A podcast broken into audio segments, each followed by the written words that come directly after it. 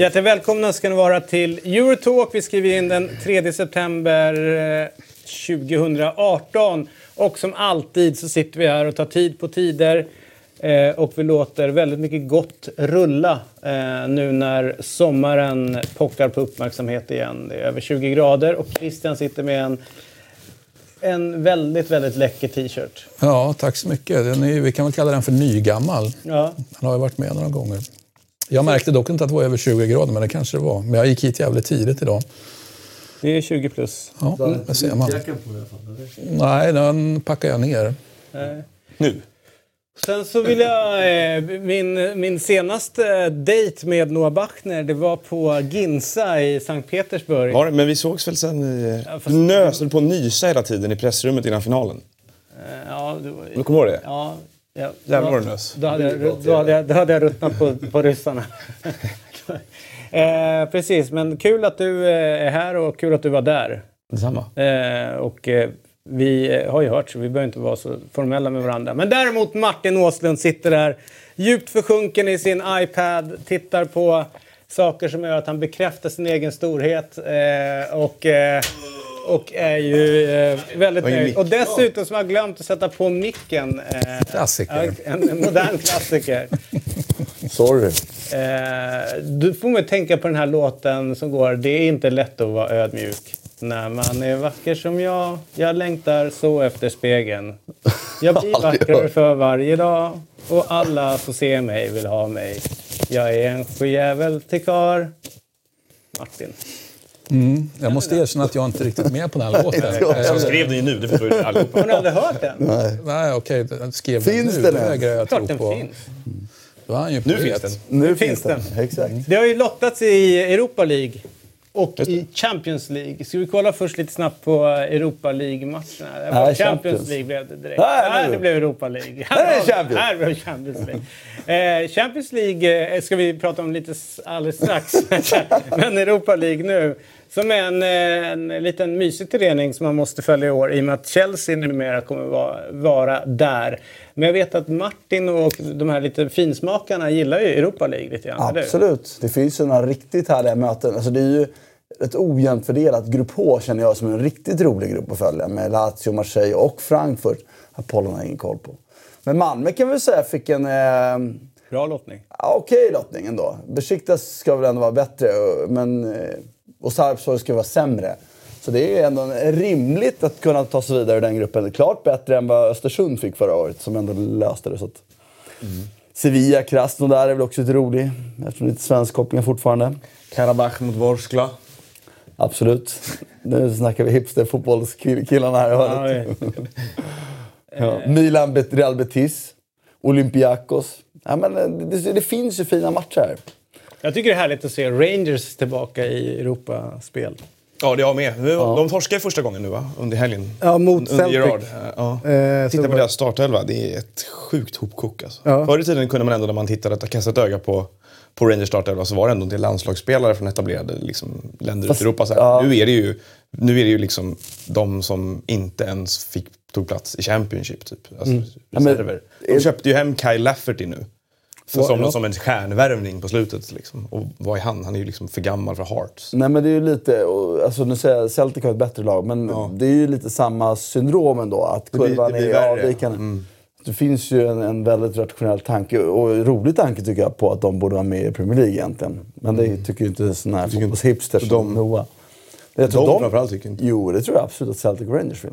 Tror du det? Jag tror inte supportrarna. Nej, det är det jag menar. Nej, nej, men klubbarna vill nog det. För att det, det, den, eh, för jag tror att det vore pengarna. roligt för engelsk. Jag tror att det vore bra för brittisk fotboll också om jag ska vara ärlig. Men Mm, kanske det. Ska vi kolla på Champions League då?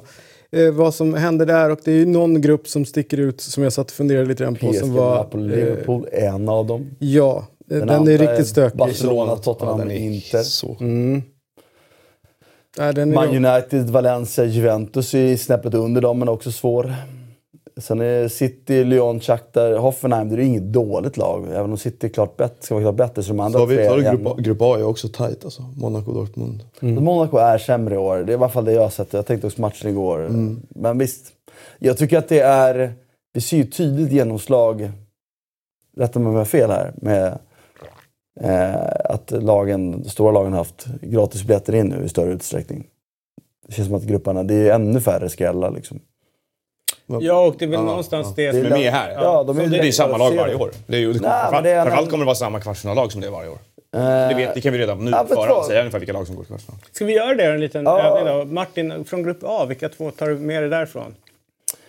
Uh, Atletico helt klart. Sen hoppas jag att Dortmund får ordning på det. Eh, det är ändå rätt nytt mycket där och det är väldigt ungt. Men eh, jag håller ju Dortmund som klubb högre än vad jag håller Monaco. eh, även om Monaco har sina förtjänster. Så, så jag slutar med de två. Och eh, Noah? Samma. Samma. Atletico. Och Christian? Ja, jag säger väl inte emot. Okej, jag tror du skulle kasta in Klubb Brygge där. Men eh, grupp B. Men det är Eh, svårare. Jag är Barcelona med av, av uppenbara skäl. Eh, sen tycker jag att det är lite hugget och stucket. Tottenham tycker jag är bättre än Inter, men jag tycker det vore roligt för italiensk fotboll om Inter, och de behöver verkligen få med de är fler randiga lag i, i slutspelen för statushöjande. Men jag tror ju att det är Barcelona-Tottenham i alla fall. mm, och Noah?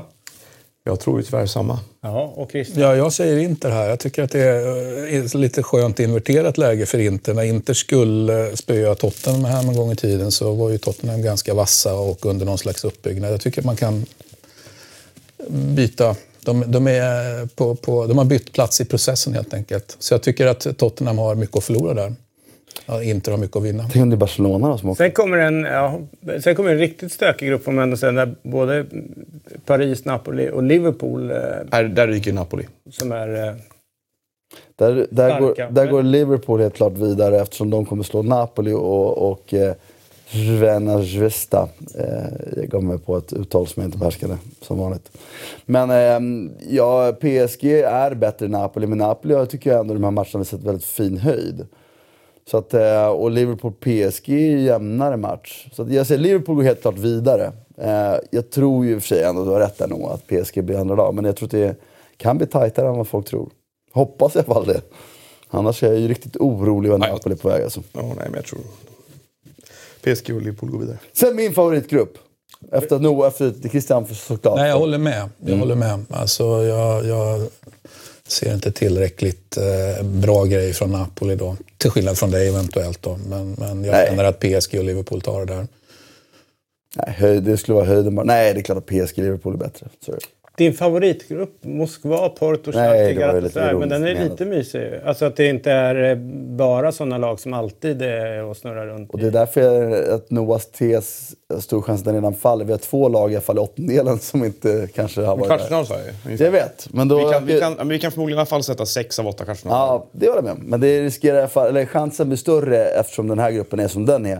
Och jag vänder på det istället. Jag tycker att det är riktigt tråkigt att vi kommer att ha två lag eh, som jag inte tycker är bättre. Eller Schalke möjligtvis då. Men jag håller inte Galatasaray, Porto och Lokomotiv Moskva vara bättre än, än Inter och Napoli som förmodligen Men det är ju alltid sådana, lag som kommer med till åttondelen och så är de, blir de kanonmat där. Och sen så är vi... Sen slipper du Fast de, är ofta, de är ofta med där för att de har gjort en bedrift. Eh, inte för att de har haft tur i lottningen. Men jag skämtar ju lite. Det är roligt på sitt sätt. Och jag tror att den gruppen i alla fall är väldigt spännande att följa. Då. För, för mig är den ganska oviss.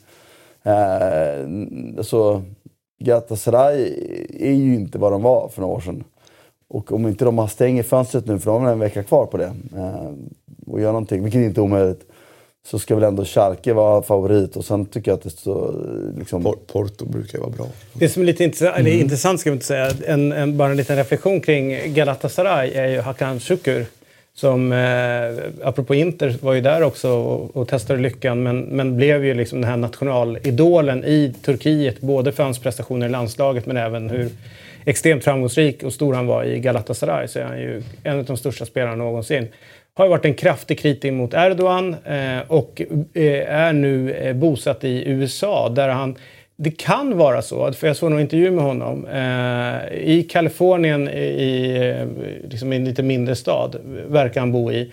Och eh, den som intervjuade honom var osäker på om han jobbade på det kaféet där de intervjuade honom eller om han var en, en extremt stammis. Men eh, det är ganska ovanligt att man ser så stora stjärnor och i synnerhet sprungna ur fotbollen som är Tar den liksom, starka politiska ställningen. Dels det och sen så ändå inte att de kan inte verka i det landet där de har liksom byggt upp sin eh, stjärnstatus. Eh, så det är ju eh, det är, ja, någonting som jag funderar på säger varje något ofta. om, om tiden vi lever i. Eller säger väldigt mycket om det och säger väl också om eh, hur, han, eh, liksom, hur han har hans politiska medvetenhet runt, runt omkring och verkligen eh, går in i det.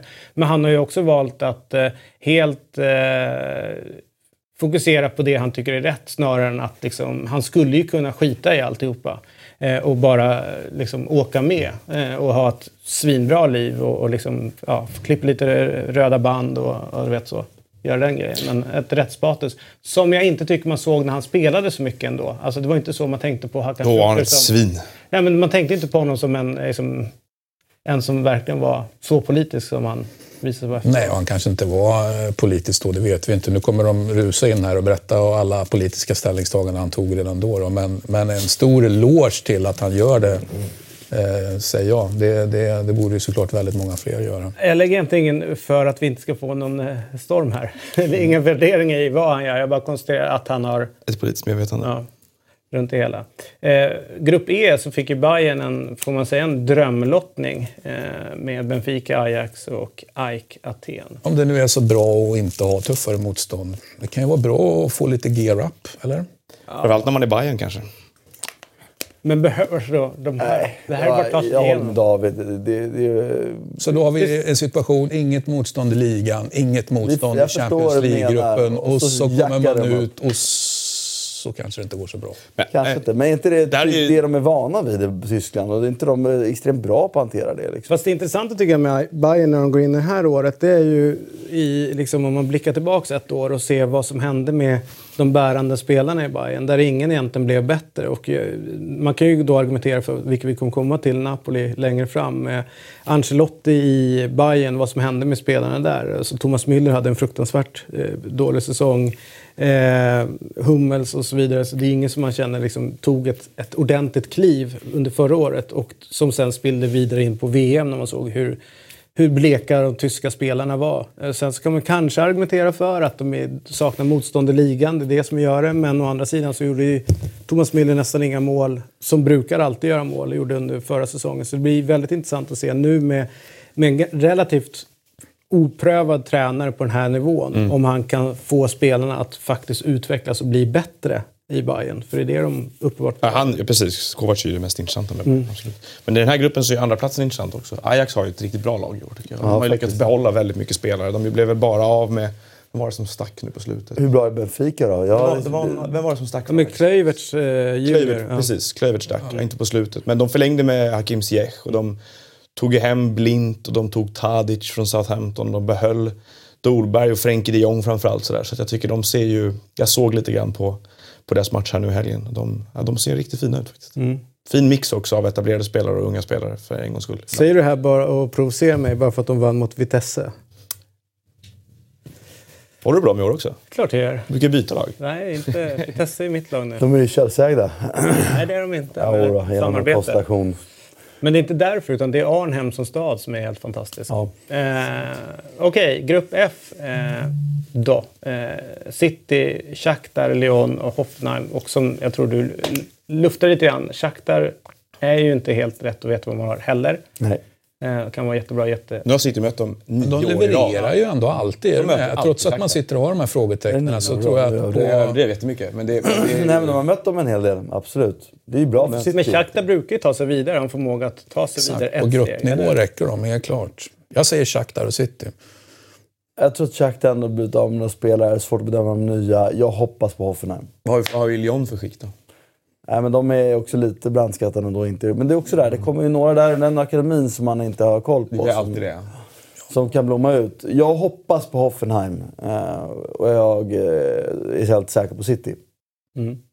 Du, eh, sen har vi eh, Real Madrid, Roma. Jag känner, jag, man känner så här, de två brukar vi hamna i samma grupp ofta, eller? Eller bara Mm, något sånt? det är varje år, ja. ja. Mm. Eh, mycket. och sen så Cheska. Moskva och Pilsen. Där är det väl ganska uppenbart att det står eh, mellan en andra plats mellan Roma och eh, Cesca. Ja, det fixar Roma. Ja, jag tror Real och Roma Ja, absolut. Det safe, ska alltså. Roma fixa. Alltså, ja, men CSKA är inte... De är lite jobbiga att ha att göra med. De har börjat värva islänningar från Norrköping. Mm. Bra affär för Norrköping. Ja, Och en bra potential i honom. verkligen. Det är den här unga killen. Mm. Sigurdsson. Mm. Vad är han, 98 eller? Ja, något sånt. Oklart. Han är 18 år. Sen tycker jag att eh, Juventus tror jag kommer ta sig vidare om jag får tycka där. Eh, och, eh, men sen så United eller Valencia. Vad säger ni? Svårt. Nu har ju Valencia börjat lite halv... ser ingen av dem där bra. Knakigt. Nej, så, och, och det är väl det minsta man kan säga om Manchester United också. Väldigt mycket kommer att göra med... Eh, går vi fortfarande mot, trots att de vann mot Burnley hela går vi fortfarande mot en Mourinho-krasch där de ska byta tränare eller någonting. Då tror jag att de har kommit igång när det här väl ska avgöras. Mourinho överlever det här nu och, och planar ut det och vi ska vänta på nästa svacka. Då tror jag att de kan torska mot Valencia. Om Valencia kommer upp i samma nivå som förra säsongen. i alla fall. Mm. Där har vi det. Europatipset eh, var vi ju igång med också till helgen. Ni kanske såg eh, Weekend och eh, det blev eh, det här resultatet till slut. Eh, sju eh, fick vi alla, förutom Martin som fick åtta rätt.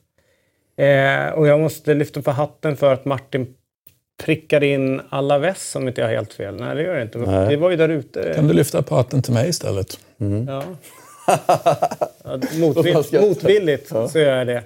Eh, Ja, Monaco, Jag sa till Alaves. Monaco Marseille, eh, det var ju eh, bra att Marseille vann, men det gav ju Noah ett rätt till där i slutet. Avgjorde, eller avgjorde sent. Nej, det var ju Betis menar som du satte Martin. Det var snyggt. Eh, med, och, och vem det är som gör målet avgör det. Är inte det hur stort som helst? Det är stort som helst. Joaquin. Jag är glad att han skriver det på Twitter innan eh, han kom in. Fan, drömmen om han får avgöra alltså. Ja, men, och det var ju så... Det roliga var att jag satt och kollade på matchen. Och så, de som kommenterade, när han hade kommit in, då sa så här, han har fortfarande inte rört bollen. Och så var det någon som hade bollen som hade chans att passa till Joaquin. Då är han så här, han ignorerar Jo- Joaquin, han har fortfarande inte rört bollen. Han spelar ut till höger. Och så kom inlägget. Och så är han där och gör på första bolltouchen eh, mål. Jag tycker det är, man gillar ju Joaquin. Ja, det gör Eller gör man absolut. Vilken, vilken fotbollsspelare.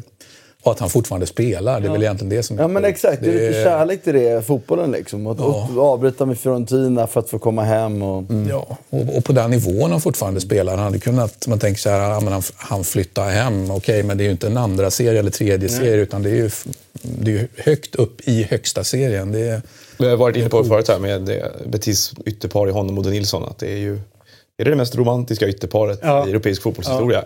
Mycket möjligt. Men alltså, Kanske har lite med att att det var en ålder också, väldigt mottaglig precis just då. Jag pratade, nu pratade jag om vad jag tyckte. Absolut. Men alltså Det det. Nilssons, eh, när han landade in i eh, Betis och från första var för 220 miljoner Ja, kronor det så var så. det var helt var enorm världsrekord. summa. Man trodde inte det var sant när man kunde betala så mycket. Nej, det är som att de har råkat skriva fel på Exakt. checken. Och det gjorde ju att hans överstegare blev ju ännu mer exotiska och coola när han gjorde det. Ja, Även fast han stannade upp hur många anfall som helst kan han Nej. stå där och hålla på. Men han var jä... Oj, väldigt bra i det här för-VM 97 i Frankrike. Ja. Och det var ju liksom... eh, Jag förstår att det drev upp en prislapp där och då. Fattar du att det också är lite roligare då hur fotbollen har förändrats? Då var det ju ändå inte... Nu är det ju bara engelska lag som transferrekord i princip.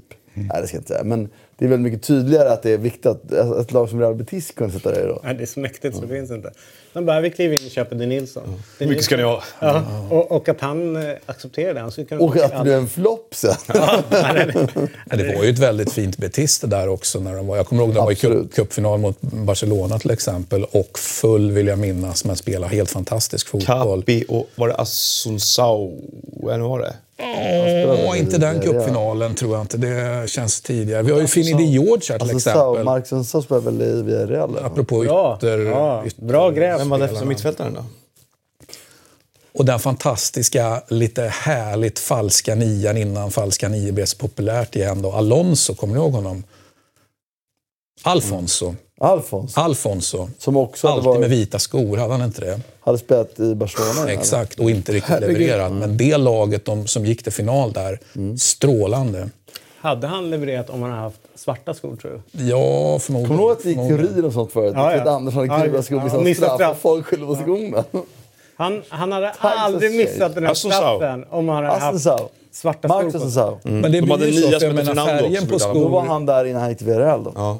Alltså nu för tiden är ju, är ju färg på skor är ju någonting, alltså det är ju annorlunda att ha annan färg på skorna nu än när Kenneth Andersson Ja, brände ja, straffen. Jag menar, då var ju det ett väldigt uppenbart eh, tecken på någon slags hybris, säger jag. Så att, eh, det är ju en väldigt giltig analys då, att det är något fel i huvudet på Kenneth Andersson.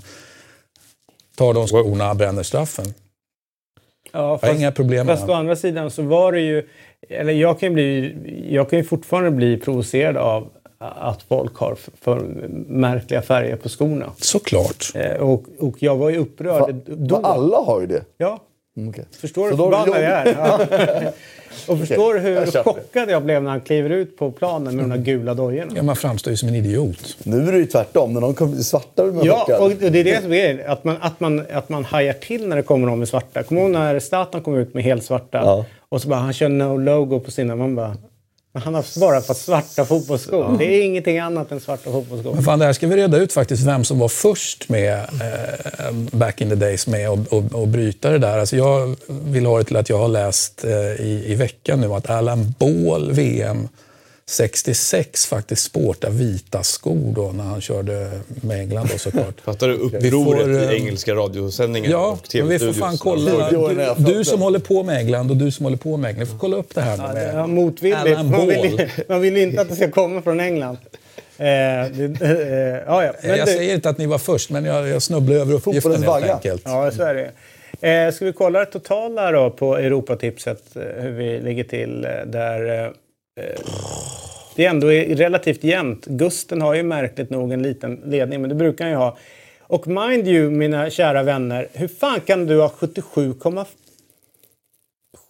vad, är det, vad fan är det där? Du kan ju inte hålla på med 7,75. Jag har inte gjort den här uträkningen. Ja, ja. Men, eh, 7,8. Det enda jag gjort är att lämna in riktigt dåliga rader. Ja. Resten tar jag inte ansvar för. Men eh, ni får ju passa er. Ni kan ju inte låta mig vara på samma nivå som er när jag är i min dåliga period. Eller hur?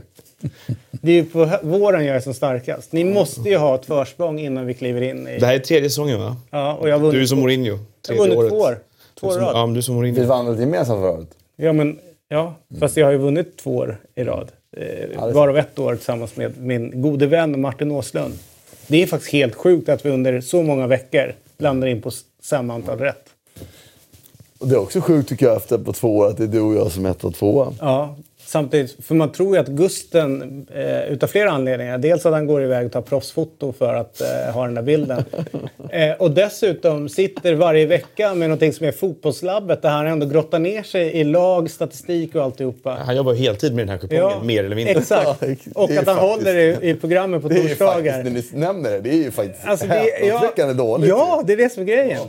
Och att han inte har... Eh, nej, han måste ju till att börja med göra någonting åt sin profilbild där. Nej, men där är förra året. Har ni inte sett de nya? Nej, Jag vågar inte tänka på hur ska de ser ut. bara. Eh, för han är väl... Eh, nej, jag ska inte gå in på. Men eh, så är det. Eh, kul att det där är igång. Har vi verkligen lämnat in fyra rader?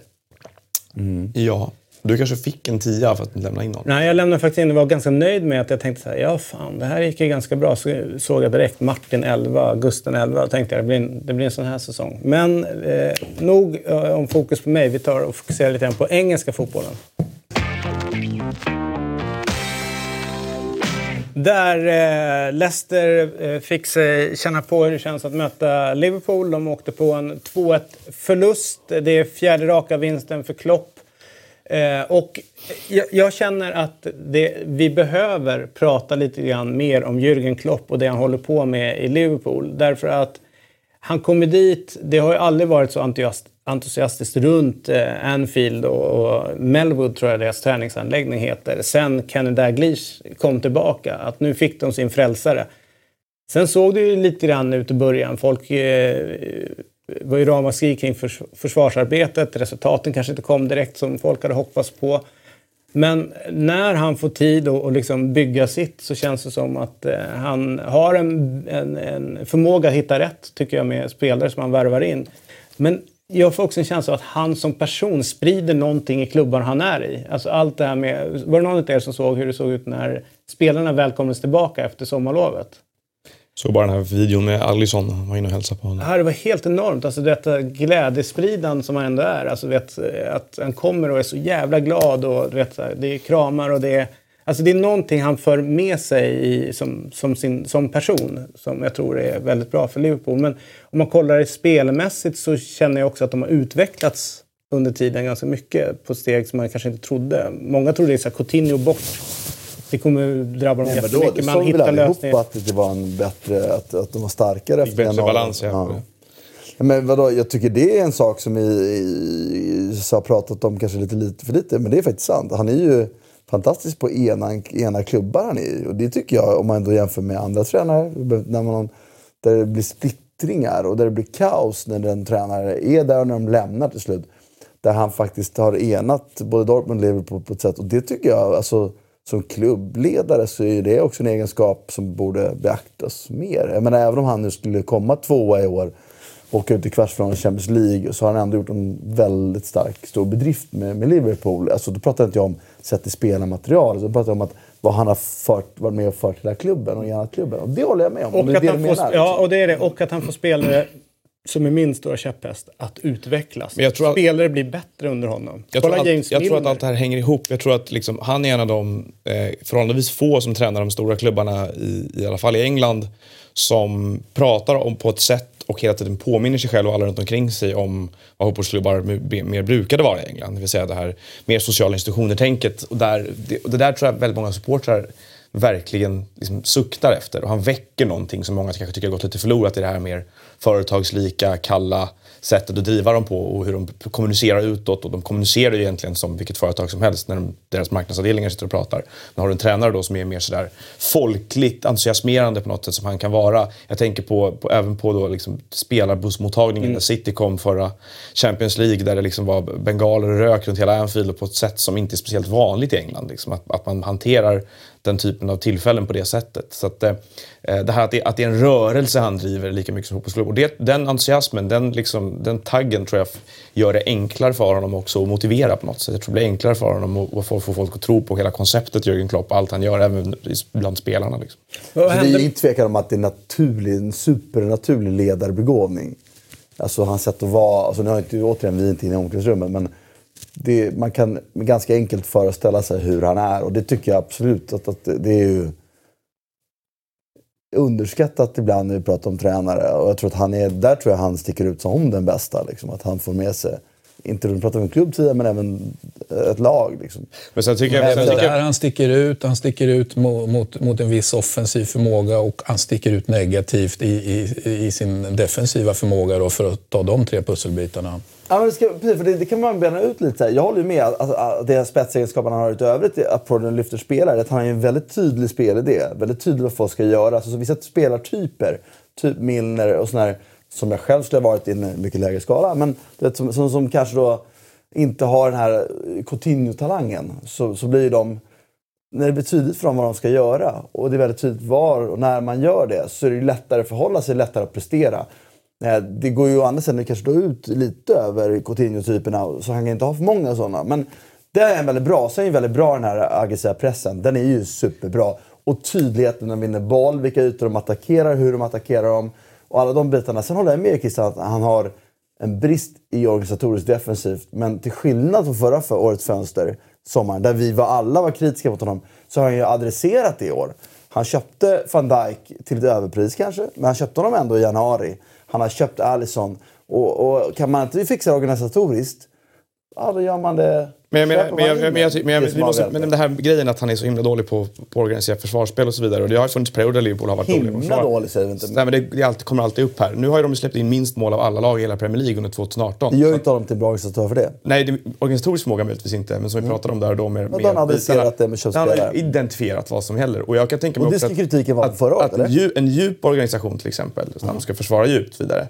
Det kanske är svårare för honom att få till stånd ett sånt försvarsspel när han vill försvara högt. Han behöver en viss typ av spelare för att försvara högt. Och så kanske han behöver en annan typ av spelare att för att försvara mer lågt. Så att du kanske inte kan få båda. Därför tycker jag att på något sätt att de har gått helt rätt i rekryteringen och att han borde ha adresserats tidigare. Jag vet inte var pengarna fanns. Det kanske var viktigare att sätta det offensiva först. Vilket han gjorde för ganska mycket pengar. Ganska många spelare som kom ganska dyrt. Så att jag har väldigt svårt att liksom... Eh, jo, det är möjligt att han, att han inte är bäst i världen på organiserat djupförsvar. Men han vill, inte, han vill inte försvara så. Nej, nej, och det, och det säger jag ingenting om. Men jag menar, vi, alltså, han, han borde adressera problemet redan i förra årets sommarfönster. Det- det han var- har ju tagit bit, han kan ju inte spendera alla pengar på en gång. Han har, ju- han har ju börjat med någonting här. Han började ju med att hitta rätt ju spelare haft- för sin offensiv. Han började med att lägga pengar på Mané, på Salah Varför, varför, och på ett par varför spelare kan man till. inte göra saker samtidigt för? Hur mycket pengar har de?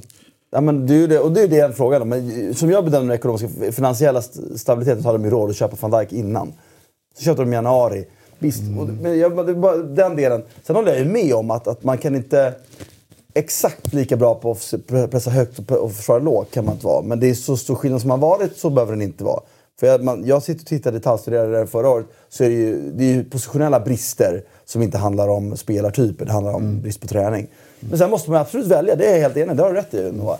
Och sen, jag, men jag ser fortfarande två faror bara. Det ena är ju när energin inte är, när inte energin träffar rätt.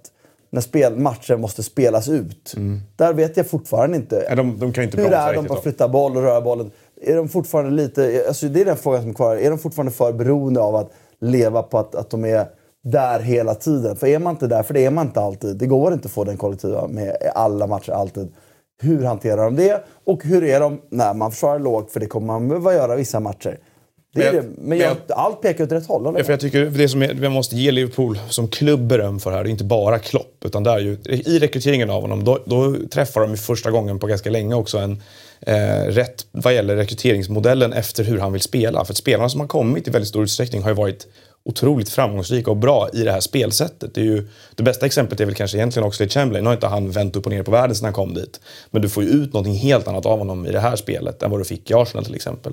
Så att de har ju varit skickliga i rekryteringsmässigt också och, och byggt ett lag som passar han. Plus att man säger eh, Alexander Arnold och, och Robertson som är på, på kanterna. Robertson samma sak. är ju också spelare som han... Det är ju hans, det är hans spelare som han har liksom gett chansen och, och liksom nörsat och, och fått fram. Men de passar helt perfekt in i det sättet som han vill spela. Men jag tror att man skulle vara så här vi ska sätta den perfekta defensiven.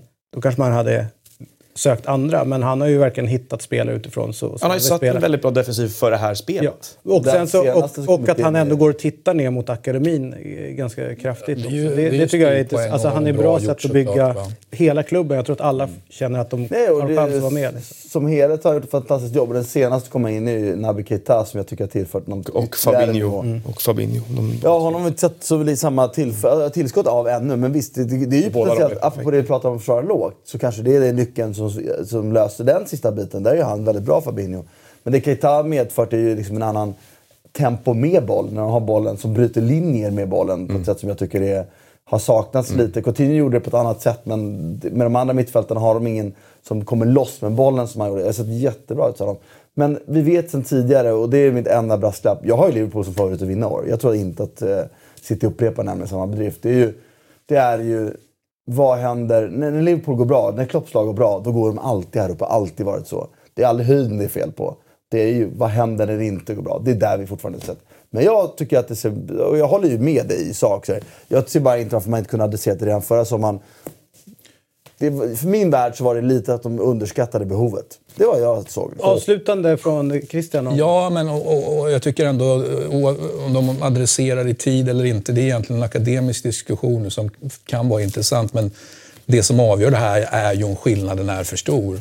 Eh, och, och, och, och, Skillnaden på... Ja, alltså mm, offensiv förmåga och defensiv förmåga. Alltså, att den inte behöver vara identisk, det är ju ingen som säger att den måste vara identisk. Men är det för stor skillnad Eh, så hävdar jag med bestämdhet att han kan inte vara för stor. Och jag, jag har ett eh, frågetecken där, absolut, som, som gnager. att I Klopps fall är det fortfarande Eh, alltså hans gärning är fortfarande sådan att det, fin det finns för stor skillnad mellan de här förmågorna helt enkelt. Och då tror inte jag att man vinner de riktigt stora titlarna. Ja, Bundesliga med Dortmund tycker jag var en stor titel. Men eh, eh, jag, jag tycker det är svinspännande att se liksom det här, hur han fortsätter att bygga och liksom det han har gjort under hela eh, resan. Och, och någonstans tycker jag att hela Premier League i år med, eh, med de tillskotten på tränarbänken som har kommit har, har blivit lite mer intressant. Och då är, det ju lätt för mig att blicka mot Chelsea då som har inte förlorat någon match och vunnit rubbet under Sarri. Det är skitspännande att se vad han gör. Ja, säg. Bara avsluta med med Klopp. För det tänkte jag, apro- apropå det vi pratade om nu, apropå matchen igår. Eller förrgår. Mm, förrgår. Ehm, det är ju att Alisson gör en tavla, men de faller inte. All, varenda match förra året tyckte jag för att när de gjorde större individuella misstag så tappade de poäng på dem. Det gjorde man inte. Det var också ett tecken som jag tyckte tar lite för att de är på väg en process, tagit ett steg till. De var inte, var inte fantastiska skulle- heller. mot- Nej, nej, och ändå vinner.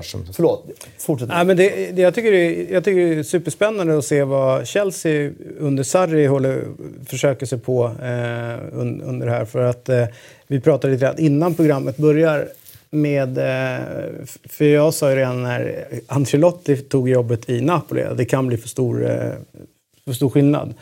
Och nu har ju Ancelotti varit i Chelsea också, nu är i Sarri i Chelsea också. Och det, det är sjukt spännande i att han kommer till en klubb som har köpt in ganska mycket men har en svinbra akademi och har haft det länge och har vunnit ganska mycket. Och hans förmåga att utveckla spelare. Så det, det är ju kittlande att se och bara den positionsförändringen han har på Kanté som är en helt annan... Eh, Jorginho är ju, tycker jag, vä- väldigt spännande att kolla på. Men just att det, helt plötsligt händer någonting med ligan. Det är någon som kommer in och bryter mönster än mer än, än kanske vad som har gjort tidigare. Men när ni ser Chelsea, vad tänker ni eh, då? Vad ser ni av det Sarri som vi kanske... Ja, det är en jättefin start. Eh, jag tycker kanske inte att man spelar fantastisk fotboll, men bara det faktum att man sitter med full pott är ju, eh, är ju att, att, att ha full eh, pott i, en, i ett systemskifte. Det är ju egentligen, det är egentligen sjukt att ha det, för det ska man egentligen inte ha i ett systemskifte. Framförallt inte när vi har ju dessutom ett systemskifte där Kahn inte har fått med sig, okej han har fått med sig eh, Jorginho, men typ ingen annan spelare överhuvudtaget, om man nu ska vara Ta tillbaka den bilden. Ja, kan vi inte få se det där? elak.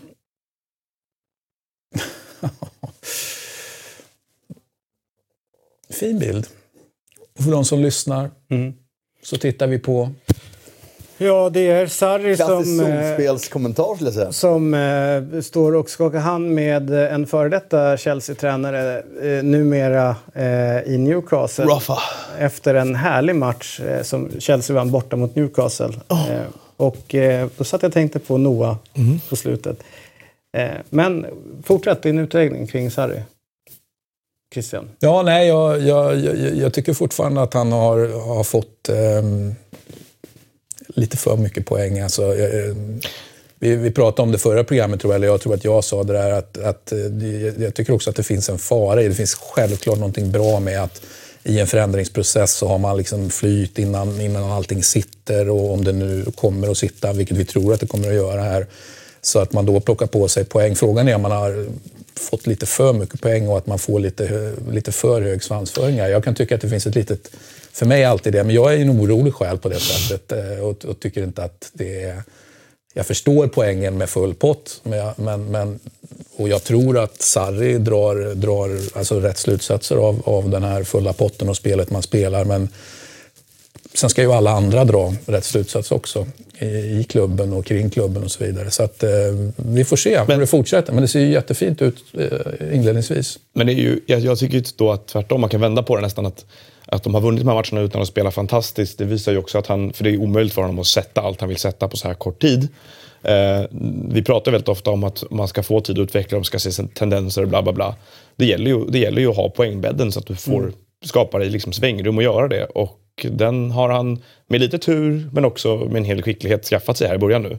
Så att om han kan jobba utan den här mest akuta resultatstressen så är det väldigt bra för Chelsea på lång sikt och framförallt viktigt med den här starten så att det inte direkt blir någon sån här ja, att det sätter sig ett, en beskrivning av alltihopa att, så här, att jo men han, så ska några vädja om tålamod och andra säger nej sparka om vi måste vinna matcher och så vidare. Den, den konflikten slipper de ju helt nu därför att de, de hänger med direkt liksom. Så, Och jag, jag delar din bild, det sista du sa Christian, att, att är, det någon, är det någon som kan hålla isär prestation och resultat så är det ju Sarri.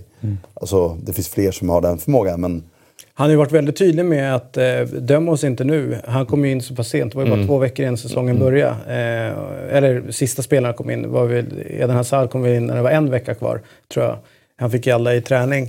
Och så har han ju varit väldigt tydlig med att eh, kom tillbaks i november. eh, då kommer det här nog börja se, se ut på sätt som jag vill att vi ska spela. Men så det, det intressanta tycker jag är, återigen, blir spelare bättre under en tränare eller inte? Under tiden i Napoli så, menar jag nämnde Mertens innan, var inte en jättestor stjärna innan han dök upp. hade ju sån här- Har ju gått uppåt och det blir ju spännande att se nu vad han kan göra med, med det här laget, med det här materialet. Och här ställs det ju- är- Det är hästlängder bättre än vad Napoli var när han tog över. Och framförallt så blir det ju en ännu större grej för hans tidigare tränargärningar. Då har han ju ändå fått, är med? Jag ska komma in, jag ska förändra.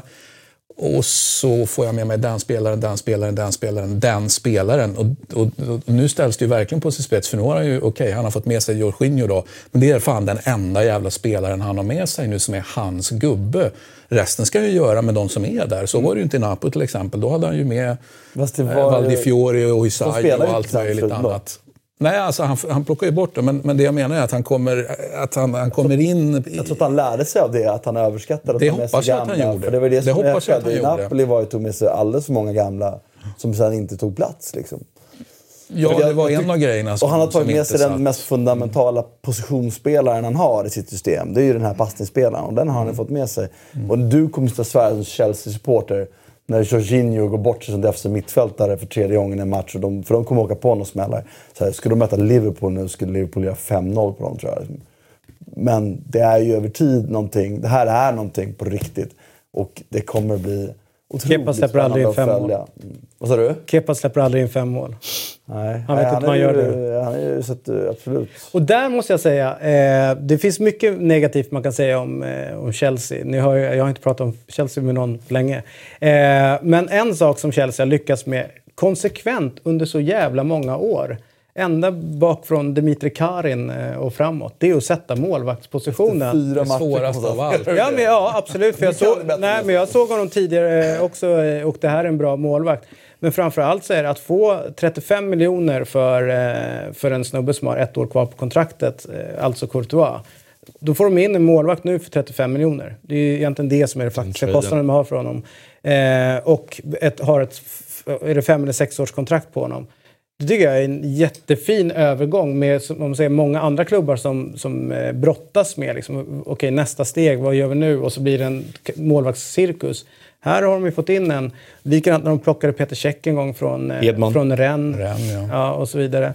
Eh, det var ju skadekris då. Men så att de har ju varit väldigt bra på att sätta, sen, De sätta har ju den. Det väldigt tycker jag är bra. track record där och det talar ju för eh, Kepa då såklart. Eh, men jag måste säga så här, jag har sett Kepa för lite för att, för att blåsa någon fara över det här. Alltså, det har ju sett eh, helt okej ut men Som alla, Du stick- som du alla, sticker ut hakan här, Ja, vän. absolut. Jag tror han kommer bli bra. Men som alla målvakter verkar det som som är yngre eh, från Spanien som kommer till England. Och det var ju samma problem som de Gea hade i början. Det är ju att lära sig hantera luftspelet, alltså inläggssituationerna. Mm. Spela mot Cardiff eller... Ja, där blir det att, att eh, hantera den. Men jag är väldigt nöjd med den eh, övergången. Och att det kom så oväntat för alla experter, alla som vet. De sa Chelsea kommer gå för den och den och den. Ingen, ingen nämnde den här herren. Så bara smack in. Hur många Chelseas lag nu åker iväg på landslag? Det är alldeles för många va? Eh, det Ja, här är ju den det, perfekta perioden för två veckor att jobba ja, exakt. Eh, utav de som startar så är det ju... eh, Det är väl egentligen bara Morata som inte åker iväg. Sen Kepa vet jag inte om han blir uttagen till spanska eller inte. Eh, Luis är kvar hemma. Sen eh, i startelvan så åker alla andra. Jag tycker också att Luis blir en eh, spännande spelare att följa. För att jag tycker man ser ju klart brister i hans försvarsspel. Det, det de är inte övervunna.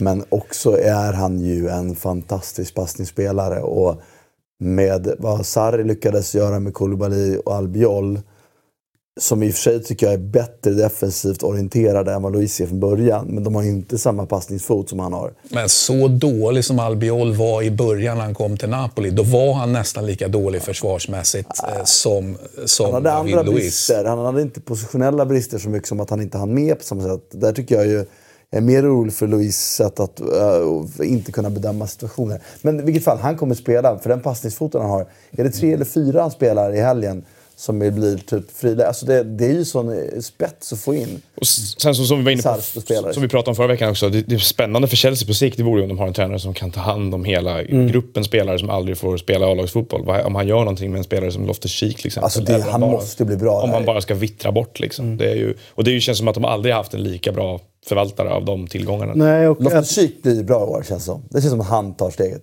Det, vore, det, det känns ju som inte en alltför vild... Han, är, känns, Prediction. han känns mer som en Sarri-spelare än eh, Men sen om man kollar på laget de har, det är, det är ju ett bra fotbollslag. Visst, det Destroyer blir- är ett lag som vann ja. Premier League för två Ja, år. exakt. Så Och att det är ju en ihåg. position som jag känner så här att ja, nej, men den måste de hitta rätt på. Och det är ju hitta någon ny Costa. Eh, någonstans. Sen vet jag inte om de är lika beroende av den spelartypen under Sarri som de var under Conte. Men, eh, Han kan ju göra saker med Morata. men Morata förhoppningsvis kan komma igång. Men Giroud, jag får ju så svår huvudvärk bara jag ser fanskapet springa runt på Stamford Bridge eh, och i blåtröja. För övrigt extremt fula tröjor i år. Röda inslag. Han hade en fin eh, kombospel första målet där mot Djurgården, måste jag säga. Ja, jo. Men det är väl härligt att man kan hitta något positivt hos fanskapet. Eh, så är Jag det. tycker det är kul att se den här positionsförändringen när han laborerar med systemet. Han har ju redan gjort om sitt system. Liksom. När de attackerar spelar de ju en 3-4-1-2. Liksom. Hazard, eller- eller 4-3-2 blir det ju.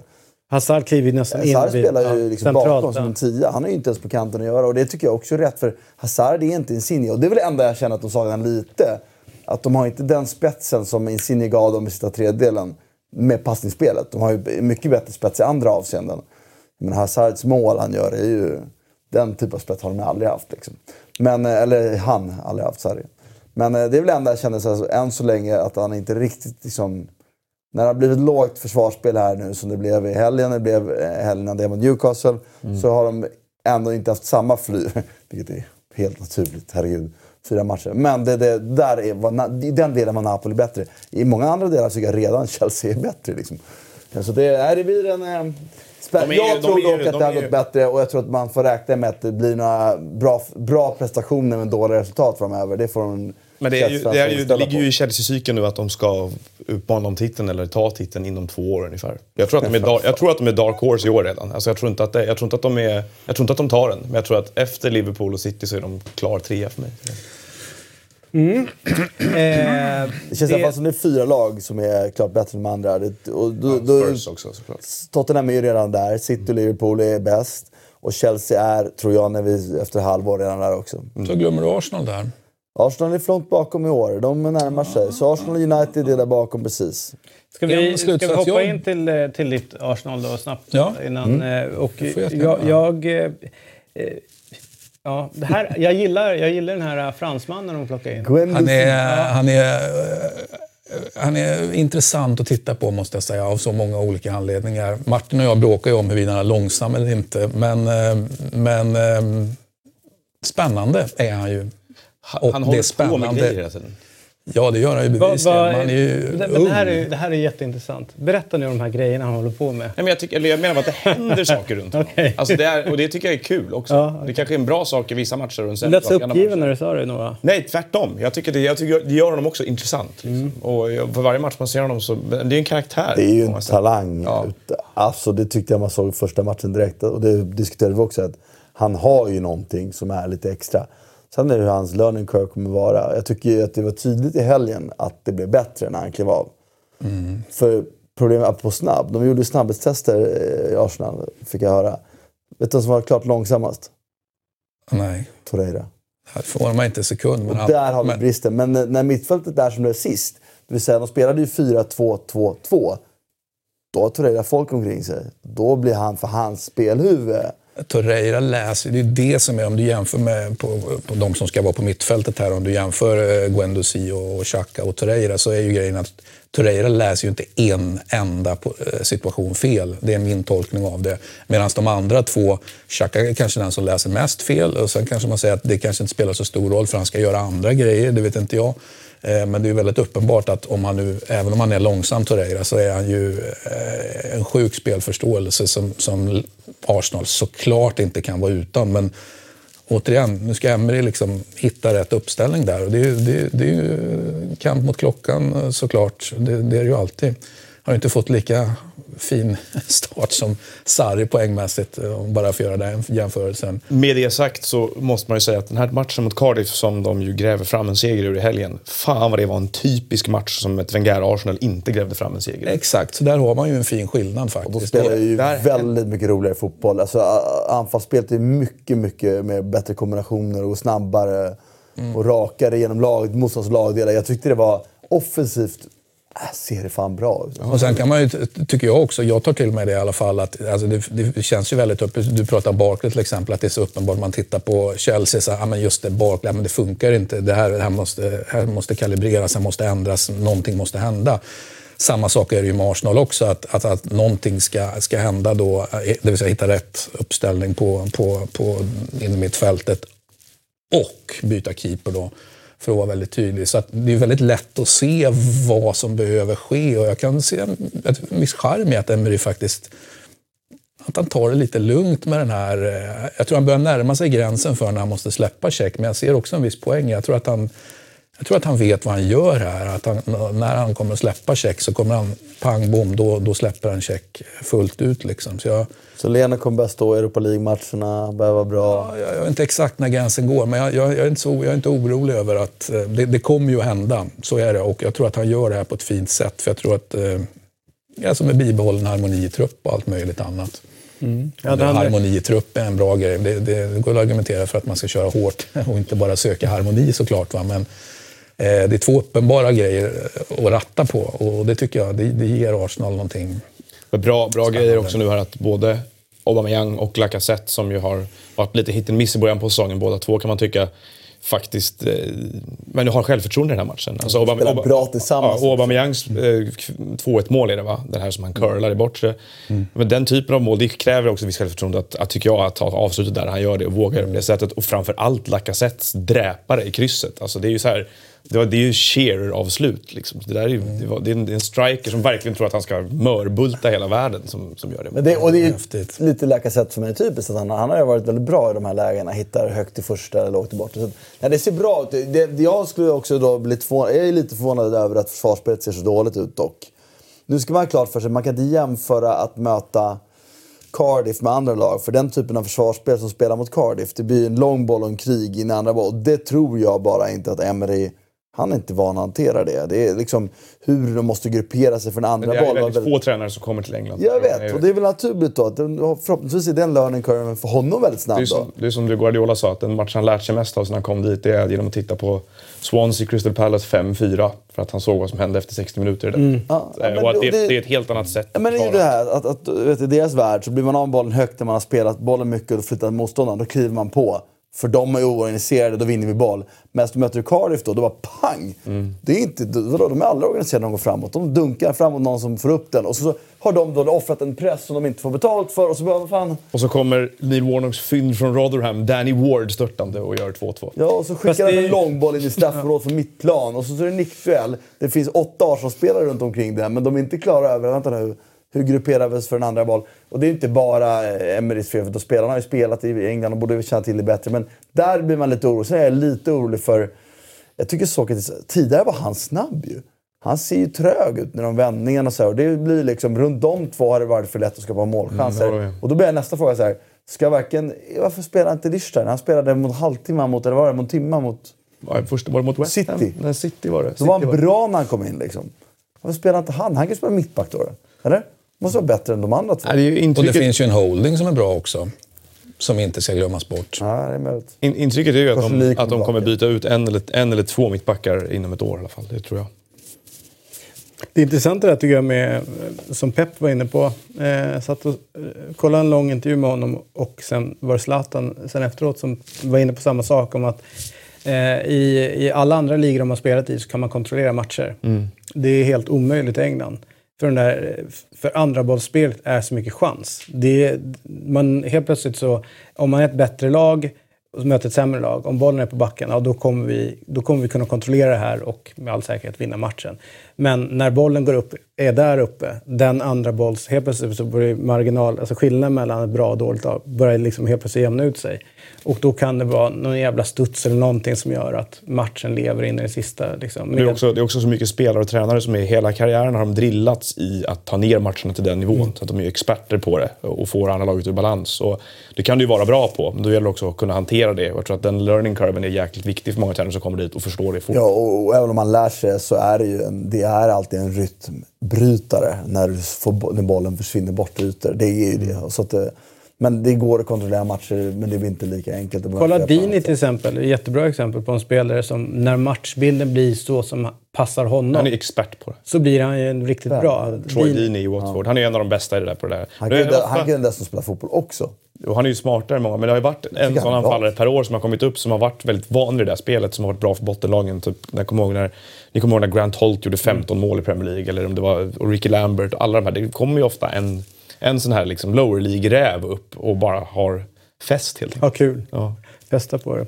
Vad ska man säga om Tottenhams insats då mot, eh, mot Watford där det blev förlust? Eh, jag tycker att han, Lucas Moura har börjat säsongen intressant. Ja, och det är ju den stora segern för Pochettino här då. När många klagade på uteblivna nyförvärv så har han kunnat ägna sommaren åt att eller försäsongen i alla fall, åt att eh, jobba med honom. Så att han har blivit mycket mer van i deras spel och, och en bättre tillgång för dem. Så där får de ju liksom 50% mer spelare än vad de hade av honom i våras. Men problemet i den här matchen, lite grann av det jag såg var, är ju att de, som de jag har ibland, att de, de, ibland känns det som de skulle behöva en spelare mellan linjerna som är lite mer oberäknelig. De får ju mycket av Eriksson och de får mycket av smart rörelse av Ali och sådär. Men ibland, det som de, jag tror att de tror att de köpte i Lamela och som de har haft av Lamela i perioder. Nu har jag varit skadad väldigt mycket. Men en Maverick liksom, som, inte, som spelar mellan linjerna lite mer och det, som kan låsa upp. Nu har de ju, ska jag säga att de har ju fler avslut än Watford. De gör ju inte en jättedålig match. Men ehm, när, när de ska trycka på här så är det ett problem för dem. Alltså. Det är på ett sätt helt absurt att vi, att, vi, att vi kan diskutera i termer som att de inte har någon mellanlinjerna när de har Eriksen och de har Ali som väldigt många skulle vilja ha och tycker att det är fantastisk liksom, genombrottsförmåga och så vidare. Eh, det känns, känns helt sjukt att säga. Jag säger inte eh, emot, men jag säger att Men är inte wow, problemet de har ju två Jag delar inte den analysen igår. Alltså. Men är inte problemet Dele Alli lite grann hans, eh, att hans höjd inte är lik, alltså han har en lika hög höjd men han har inte varit på den nivån. Eh, alltså när Tottenham var som allra, allra bäst, eller när de är som bäst, då, är, då får de ju alla de här att, att verkligen leverera högoktanigt. Men Dele Alli tycker jag i den här matchen kanske mer att önska från honom. Alltså med det- tanke på det... Svårt att påverkas. Han har svårt att fortfarande påverka ung. Det är ju så. Det Vad sa du? Han är? Jag är ju fortfarande ung. Alltså jag tycker... eh, Jag- Kanske hans fjolårssäsong kanske också var lite sämre. Svagare än för det året, ja, precis. Men Det är jag klart, gör han samma- en säsong Vad- vad till nu som, som kanske inte är på topp, då, då kanske man är med. Men, men en säsong, fine. Helst, helst inte en hel säsong.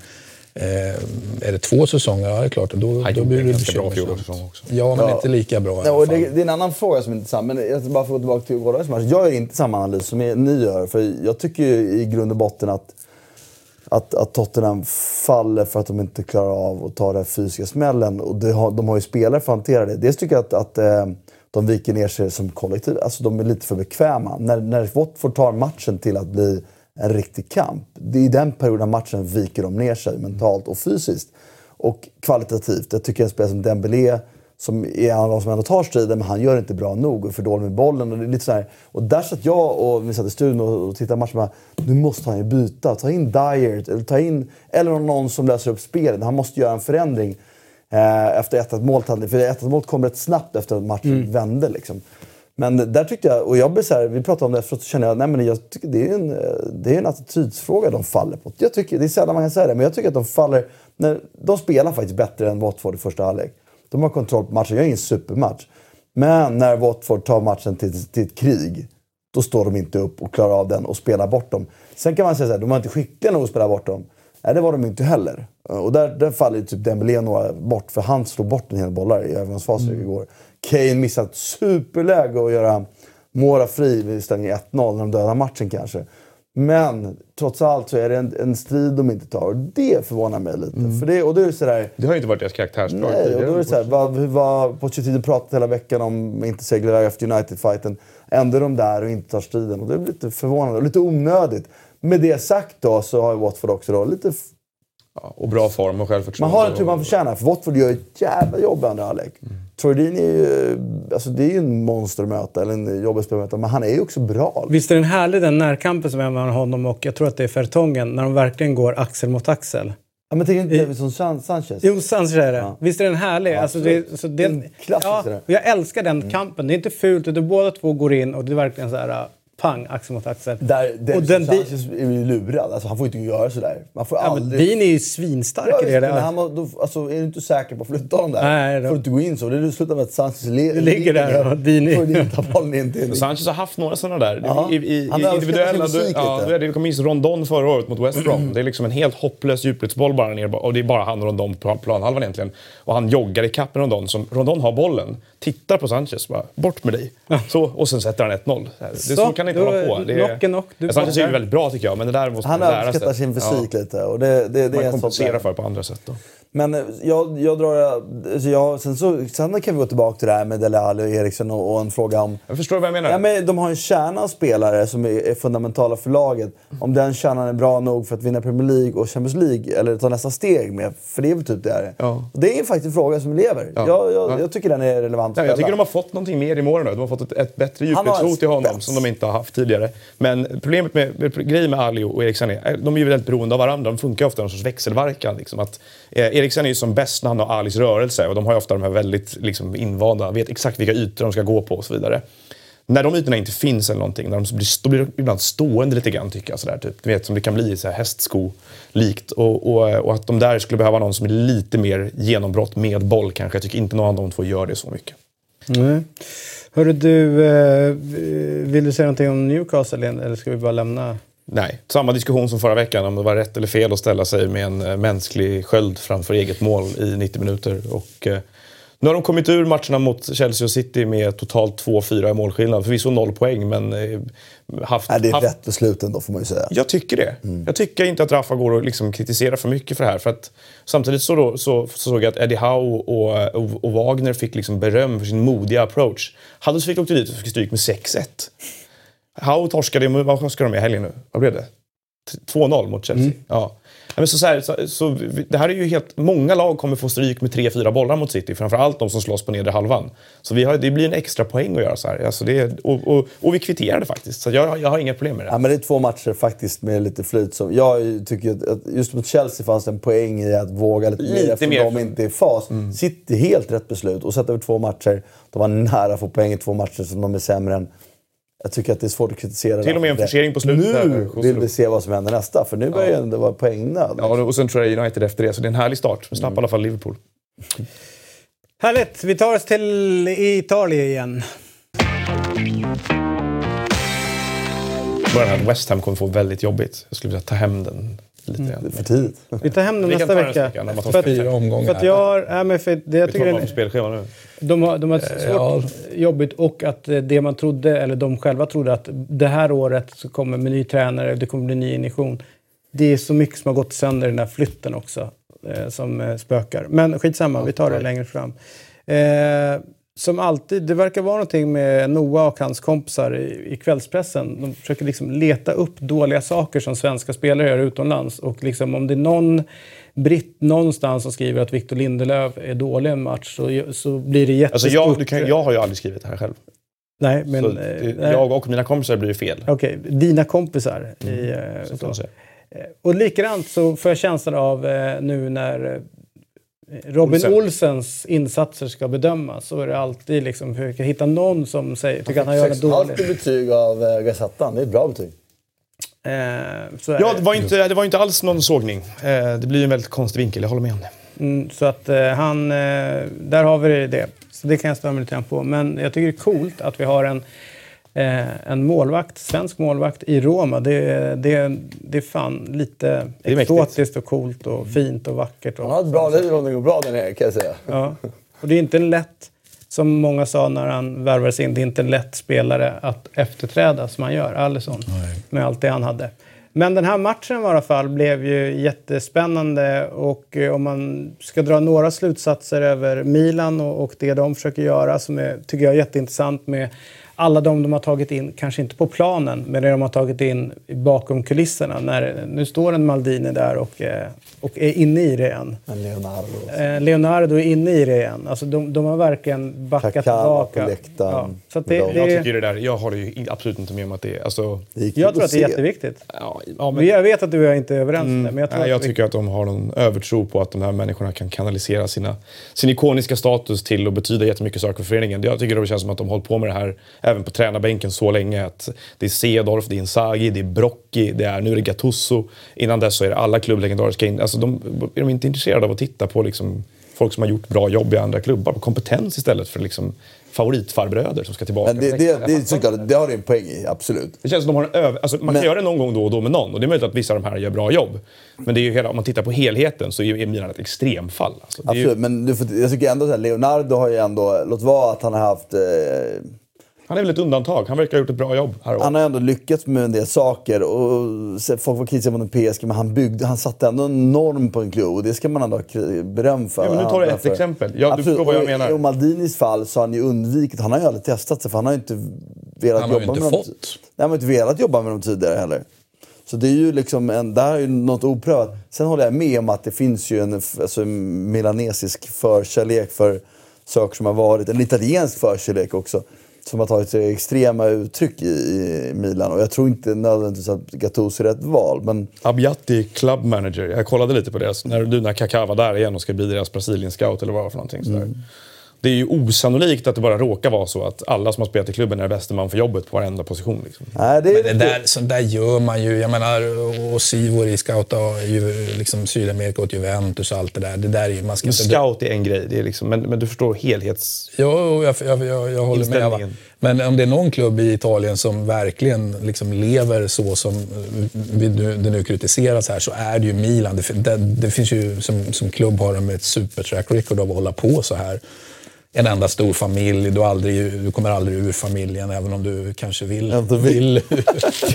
fast, fast det gör man ju. För, för, för Paolo Maldini kom ju faktiskt ur. Va? Ja, det är väl ett bra exempel på att, eh, att, att, att, eh, att Galliani var en hård jävel kanske. Det var bevis på i och för sig. Men jag här, om, det, om det är en båt som är förarlös så tror jag emellanåt att det kan vara eh, ganska bra att få in folk. Eh, och då tänker jag nu, om man då tar isolerat till Milan, att få in Leonardo och till viss mån Maldini, att de är på Milanello. Det tror jag ändå kommer sätta en viss standard alltså för hur man, hur, hur man ska uppträda och vad som gäller på träningsanläggningen. Alltså för att sätta en kultur där. Eller återinsätta den där kultur, kulturen som har varit där som kanske har varit borta. Men sen så är det att själva hantverket ute på planen, att liksom driva träningar och allt sånt där. Ja, då kan, där håller jag med dig helt och hållet. Att där kommer jag inte bara plocka in vem som helst och tro att det kommer bli jättebra. Utan där tror jag nog man måste liksom gå ut och scouta spel, eller tränare för att hitta ett sätt som man vill spela och sådana saker. Men problemet, min känsla har varit att de har ju gått bort sig. De har ju tappat. Alltså, vi har ju suttit ganska många år nu och sagt vad hände med Milan? Det här är inte det Milan vi känner igen. Och det tror jag, den symbolvärdet att ha dem där nere, att vara där, tror jag kan skicka en, okej, så här beter man sig. Det blir ingen, eh, någon som tror att de är större än någon annan därför att den största sitter där bak nu och där sitter Maldini. På så sätt tror jag det kan vara bra och det kan ge en effekt. Säkert. Men sen är det klart när man börjar tro att Abiati är den absolut bästa på det han gör, att Kaká är bäst på att scouta och sen så att det ska vara Gattuso som är bästa tränaren. Ja, det går långt, men jag tror att det på kort sikt kan få en effekt i det hela. Det, men det, är väldigt, var- det, här är bara en väldigt vanlig grej inom fotbollen. Alltså, Mm. jag, att, som jag upplever det. Vi, vanlig. vi har pratat om det i svenska liksom, avseenden också. När man tar in gamla legendarer och alla jublar. Kenny Dalglish, Liverpool, ett annat exempel. Sådär, att, ja, men att, att, eh, och nu blir allting bra för han älskar klubben. Men man kan ju inte, alltså, man kan ju inte älska en klubb så mycket så att man blir kompetent. Tyvärr går inte det. Nej, men för, Det för, är ju liksom en kort för, för att, Men jag, man jag, kan älska en klubb så mycket att man blir inkompetent. Absolut. Så är det ju absolut. Det så, så är det ju. För att eh, bara spinna vidare. Ja, de, de, identitetslösheten har varit viktigt att åtgärda. Det är utan tvekan någonting David är inne på som jag tycker är rätt. Sen så är det så här. Det håller jag med om Vi också. vet att eh, alltså, det finns alltid... eh, Det är, fotboll är, ingen, det är inte så svårt att vara kompetent nog för fotboll trots allt. Det är inte Well, som att, De flesta är ju rätt dåliga. Nej, men det är, det är inte som att söka en, en, en post till någon avancerad hjärnkirurgi eller där det finns typ 10 personer i världen som kan det. Utan det finns ganska många som kan det här. Eh, då, då får man ju liksom börja sålla på så här, vad har vi sannolikhet att vi lyckas? Ja, men han har spelat, han har gjort det här och det här. Risken är mindre. Det är en riskbedömning man gör ju. Så det gör att det är lättare att ta in den. Det är det ena. Det andra är, om man har tagit in Leonardo, ja, men han jobbar bevis, helt tusen procent säkrare bättre med Maldini som han känner och är vän med. Och som Maldini då förmodligen är kompetent nog. Men du har helt rätt i att det finns kanske 10 000 andra i i Italien som, kan göra, som är lika kompetenta som Maldini. Men det är inte 10 Men- men, det Risken är är, högre med de 10 000. men det är inte 10 000 som har den ja. kontaktboken. Nej. För Jag många säger. Leonardo. Alltså jag, tror, jag tycker då att så här, om, om du säger att risken är högre att ta in någon som inte har varit i klubben tidigare. Ja, för då vet men, du- om du tar in, nej, men om du tar in någon som har utfört det här arbetssysslan, som har en annan klubb. en kompetensprofil i en annan, en annan klubb som passar för jobbet och har utfört det här jobbet bra med bra resultat. Då skulle jag säga att det är lägre risk än att ta någon som har varit i klubben tidigare och vet var toaletten ligger. Fast det är ju underskattat att ha varit spelare på Maldinis nivå. Och Ja, men nu pratar jag inte just om Maldini, jag pratar om, jag pratar om fenomenet i sig. Ja, och det, Och du gör en riskbedömning av det så liksom, men, men jag inte jag med. Nej, men det, jag skulle säga här att det, det, ja, men delar, det är klart att hittar du någon som har gjort det, eh, plockar du Sarri och så plockar du någon annan. Men det, är klart, det är klart att, det, att det, Sarri har bevisat att han kan det. Och, men i många fall så är det inte alltid så. Det, det är inte så att det bara finns en CV som säger att du kan och han inte kan. Nej. Och då blir det en riskbedömning. Och då menar jag på det att, att, att det, det, är så här tio grejer som gör att de är bra i det här. En, en är symbolvärdet, en är förståelse för klubben, en är kompetensen, en är vänskap med Leonardo. Eh, jag kommer till Ja, fem det är klart, det är Men perfekt om du alla menar? där Någonstans väger man samman det där så blir det ju en riskbedömning där risken är lägre än att ta in Maldini. Du måste också som klubbägare eller som Det ju styr... jo- samtidigt jobbigare om Maldini inte gör ett bra jobb och måste sparka honom och han känner alla. Ja, men om, du, om han inte gör inte ett bra det går, jobb så blir man neddragen i kommer han bli massa dåliga. sparkad av sig själv. För jag menar det. Men då, alltså, att, att vara någon annan än Maldini, när, när många supportrar skulle välja Maldini, då har det ju gått... Alltså, det är ju också en risk. Alltså, du, väger Ja. upp det här. Och för att slutföra bara, alltså, jag tror också att det finns ett värde i att, att, att Kaká är scout, om de är bra vänner. För Mm. det är så här, vi känner varandra, när vi pratar förstår vi varandra bättre. Det är också en viktig faktor. Vi vet vad vi, vi spelar fotboll och vi vet vad vi kan och inte kan.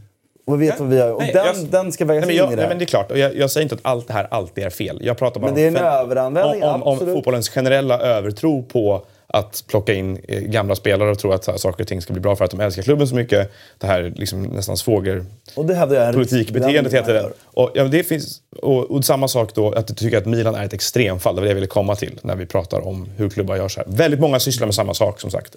England är ju likadant på många sätt.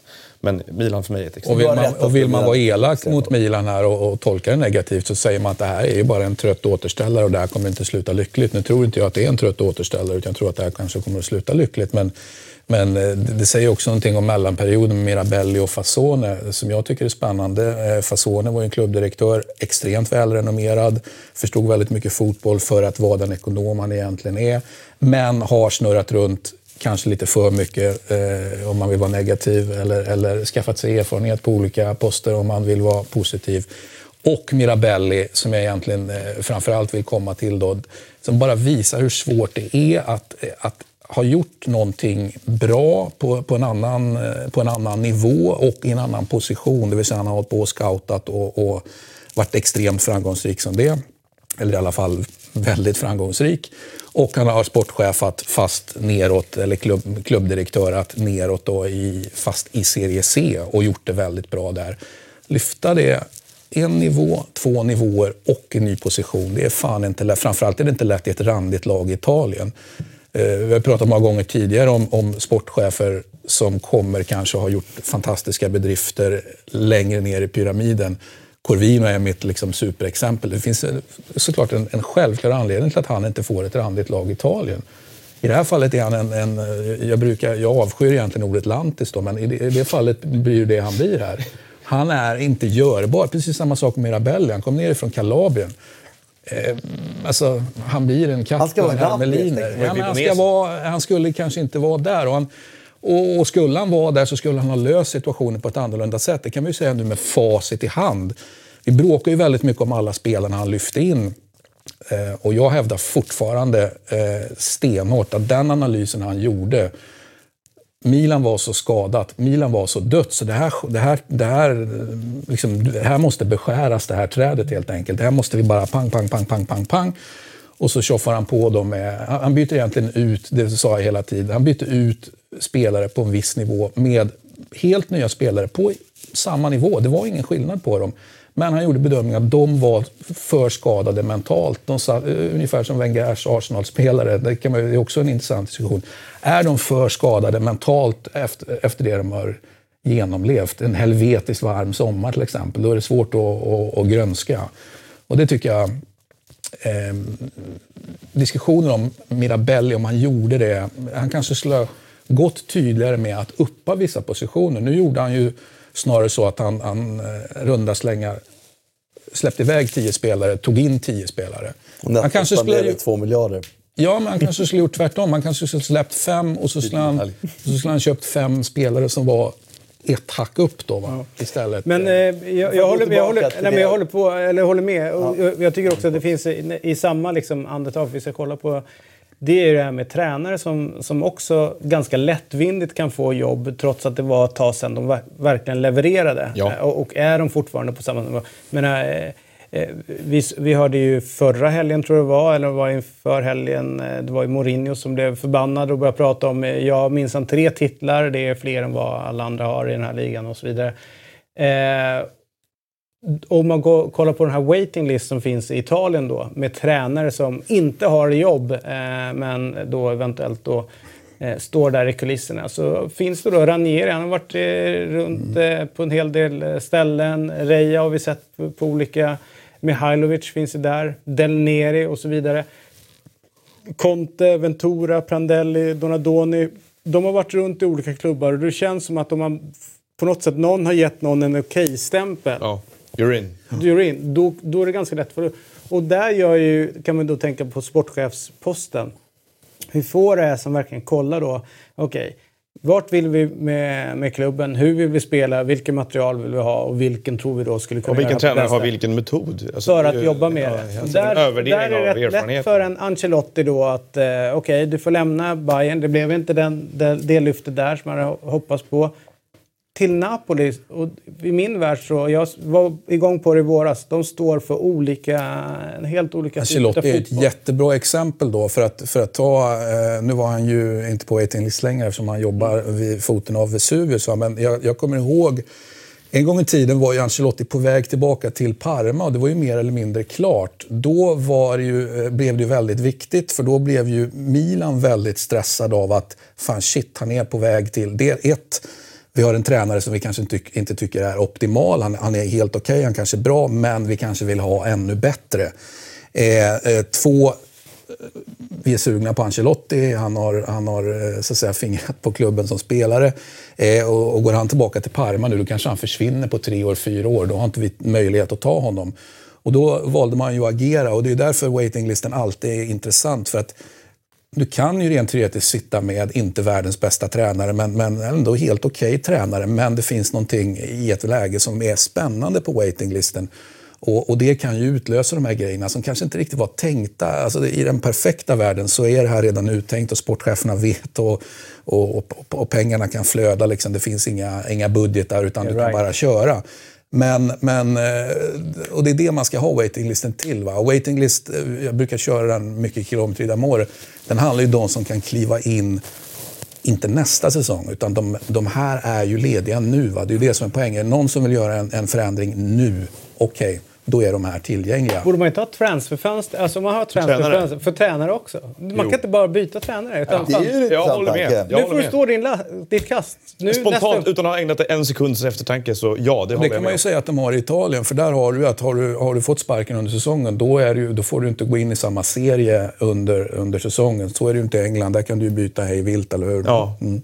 Eh, I Italien kan man säga att det finns något slags transferfönster. För åker du ut nu, det är därför vi ser så otroligt många återkomster i Italien. Man, man skojar ofta om, om, om, eh, om liksom Cellino och, nere i Palermo. Liksom, det är in mm. och ut och in och ut. Ja, men det beror ju också på att eh, de, de, är, även om de skulle vilja skicka dem all världens väg, så de kan inte ta ett nytt jobb den här säsongen. De måste sitta ut säsongen. Intressant, det här nere har ju fyra stycken före detta förbundskaptener. Det säger ju rätt mycket om de förbundskaptensvalen kanske som Italien har stått för då senaste tiden. Eller Supreme så landar ju... min teori med landslag. Då, har man, då är man liksom... Man checkar ut. Ja, då är man inte det på samma nivå. Mm. Det är därför den någonstans kallas, mm. eller att jag väljer att kalla den för Supreme. Mm. För det betyder att har du varit förbundskapten, du kan inte, du kan liksom inte, du kan inte ta vilket jobb, alltså det går inte. Utan det blir mentalt någonting annat då. Så att, ehm, och sen så ligger det lite ut, de som är i utlandet då, eh, brukar också ligga du, på Supreme. Så det är viktigt med waiting list och, och, Supreme. Och apropå då en av de som då vi har pratat om då flera gånger hittills, Ancelotti, som eh, då eh, har hand om Napoli. som eh, alla här i studion har ju eh, fascinerats av hur, på det sätt som de spelar fotboll och alltihopa. Nu försökte han ju då på att rotera lite mer i matchen mot eh, Napoli, eller mot Sampdoria. Sampdoria. Men jag känner ändå, vi måste börja den här matchen med det där målet. Quagliarella. Det är fan sjukt. Alltså jag har suttit och kollat på det så många gånger. Ja, så I slow motion och olika vinklar och så här. Det är en fullständigt galen bollträff han får eh, till också. Alltså det, är, det, det är inte bara att han Det ju, styr typ, det är ju hårt. Ja, det är ett jävla skott också.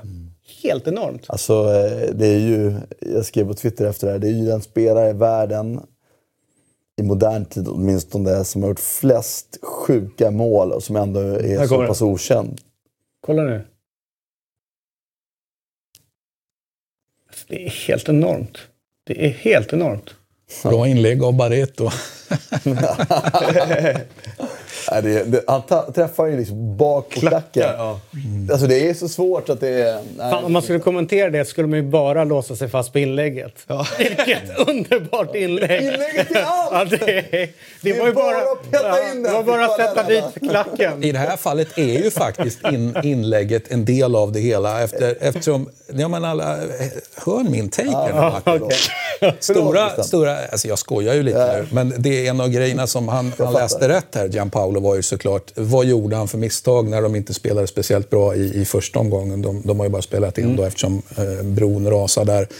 Ja, då la han ju Barreto mitt, mitt och fick ju extremt mycket kritik eh, för det. Då. Och eh, han, han, han, eh, ja, han tog till sig av den kritiken. Han har fått att- in Ekdal också. Ja, och sen Ekdal är ju precis så bra som han alltid... Det här är ju synd att han inte förstod det här när han var 22-23. Att det där är Sent ska syndaren vakna. Eller ja, men vad fan, stora problemen är ju... Det här är inget konstigt att Ekdal gör en bra, riktigt bra insats. Kan göra 2, 3, 4.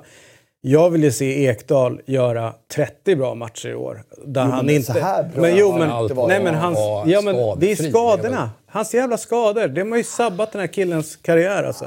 Du tycker inte han har varit eh, eh, borta mycket för skador de senaste åren? Ja, men senaste åren med, med Bundesliga vill jag eh, såklart, det håller jag med om. Och några, några år i början, men spelade under Cagliari under väldigt många år. Och han är ju bra i en annan position. Jag förstår vad han menar. Fast det är för länge, lång tid tillbaka. Alltså, men, men jag, jag vill bara återgå till att jag hade ett samtal med honom när han var typ 22 eller 23. Jag bara, ska inte du spela som en sittande mittfältare? Liksom? Jag tyckte hans teknik är ju bra nog. Han har ju inte den här öppnande passningarna, men det är ju ganska få som har ändå.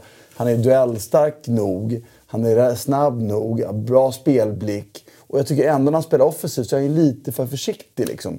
Han tar ju för sällan de här genombrotten. Då ville han inte det. Han ville spela med Salah av hans roll, sa han.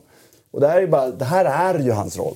Fast jag tror, vi pratar, jag, jag, jag, där, säga, jag tror vi pratar om olika saker. Jag håller 100% med dig, vet, jag bara med dig om till det där. Jag återgick bara till det första igen. För det är ingen snack om saken. Där tycker jag att han gör sig bäst. eh, Och, och just med speluppfattning och alltihopa. Och Han är jävligt bra på att med ganska enkla passningar slå motståndarnas lagdelar. Det tycker jag, han- det tycker han är jättebra på. bolltrygg, Men liksom. Fortfarande, han har gjort för få matcher. Han är ofta skadad. Och det, nu har det varit några år med det och det måste ändras på. För Får de knåda honom i pesto då? På De måste ju varit- Sluta det- gå på nattklubbar i Hamburg. Där låter det som att han kunde ha varit i en bättre miljö också. För att vad jag förstod, det sa, pratade om i intervjuer, att de var ju rätt stressade över att han var skadad Mm. i Hamburg och ville ha tillbaka honom i spel hela tiden. Och det var bråttom och Mm. han fick inte läka i vissa fall. Liksom, och så vidare. Och då, Är ju på alla sätt och vis en dysfunktionell fotbollsklubb.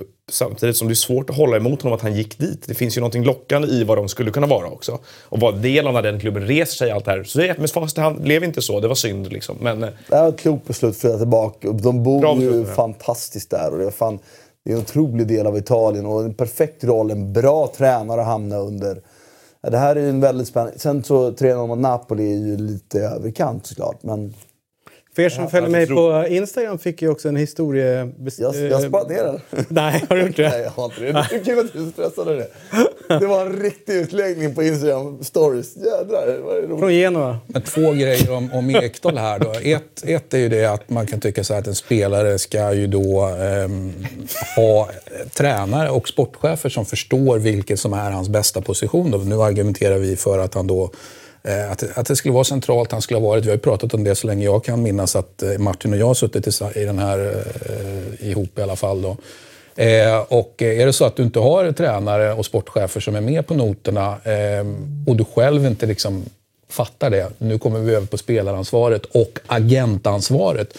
Om du hela tiden då, eh, liksom, om du går fel, fel, fel och är lite för het på, på eh, kanske pengar då i det här fallet istället för att ta någonting som du liksom mår bra av spelmässigt. Så det, finns ett spelaransvar. Alltså, ja, men det, absolut. Du frågar, du frågar sätter alltså Grettes fotbollsförståelse. Märkligt. Ja, ja Nej, men alltså, det, märkligt. Det, där tycker jag... Det, ja, det, kan, ja, men det är nästan ett samtal för ett, ett specialprogram, men det är ju nästan agenternas inkompetens när det gäller att sätta, hitta rätt klubbar för spelare. Och inte bara jaga pengar. har i många år inte... Han har ju också valt bort Alltså, jag, han har aldrig valt en klubb för pengarna. Han ja, nu, nu lyfter vi ifrån honom. Men, men, det var ett felbeslut Hamburg. Det kan ha varit en agent alltså, eller spelaransvar. Ja, jag, jag, han borde kanske lämnat Hamburg tidigare. Jag tycker fortfarande inte intentionen att gå dit är fel. Nej, jag det var, det är en stor, stor Bundesliga-klubb. Han har liksom. spelat fem år i Serie A ja, det, fan, det var värt chansningen. Liksom. Och så lyfta Defrell. Hoppas folk fattar hur bra han är nu då. När folk hur bra är han då? Så här bra.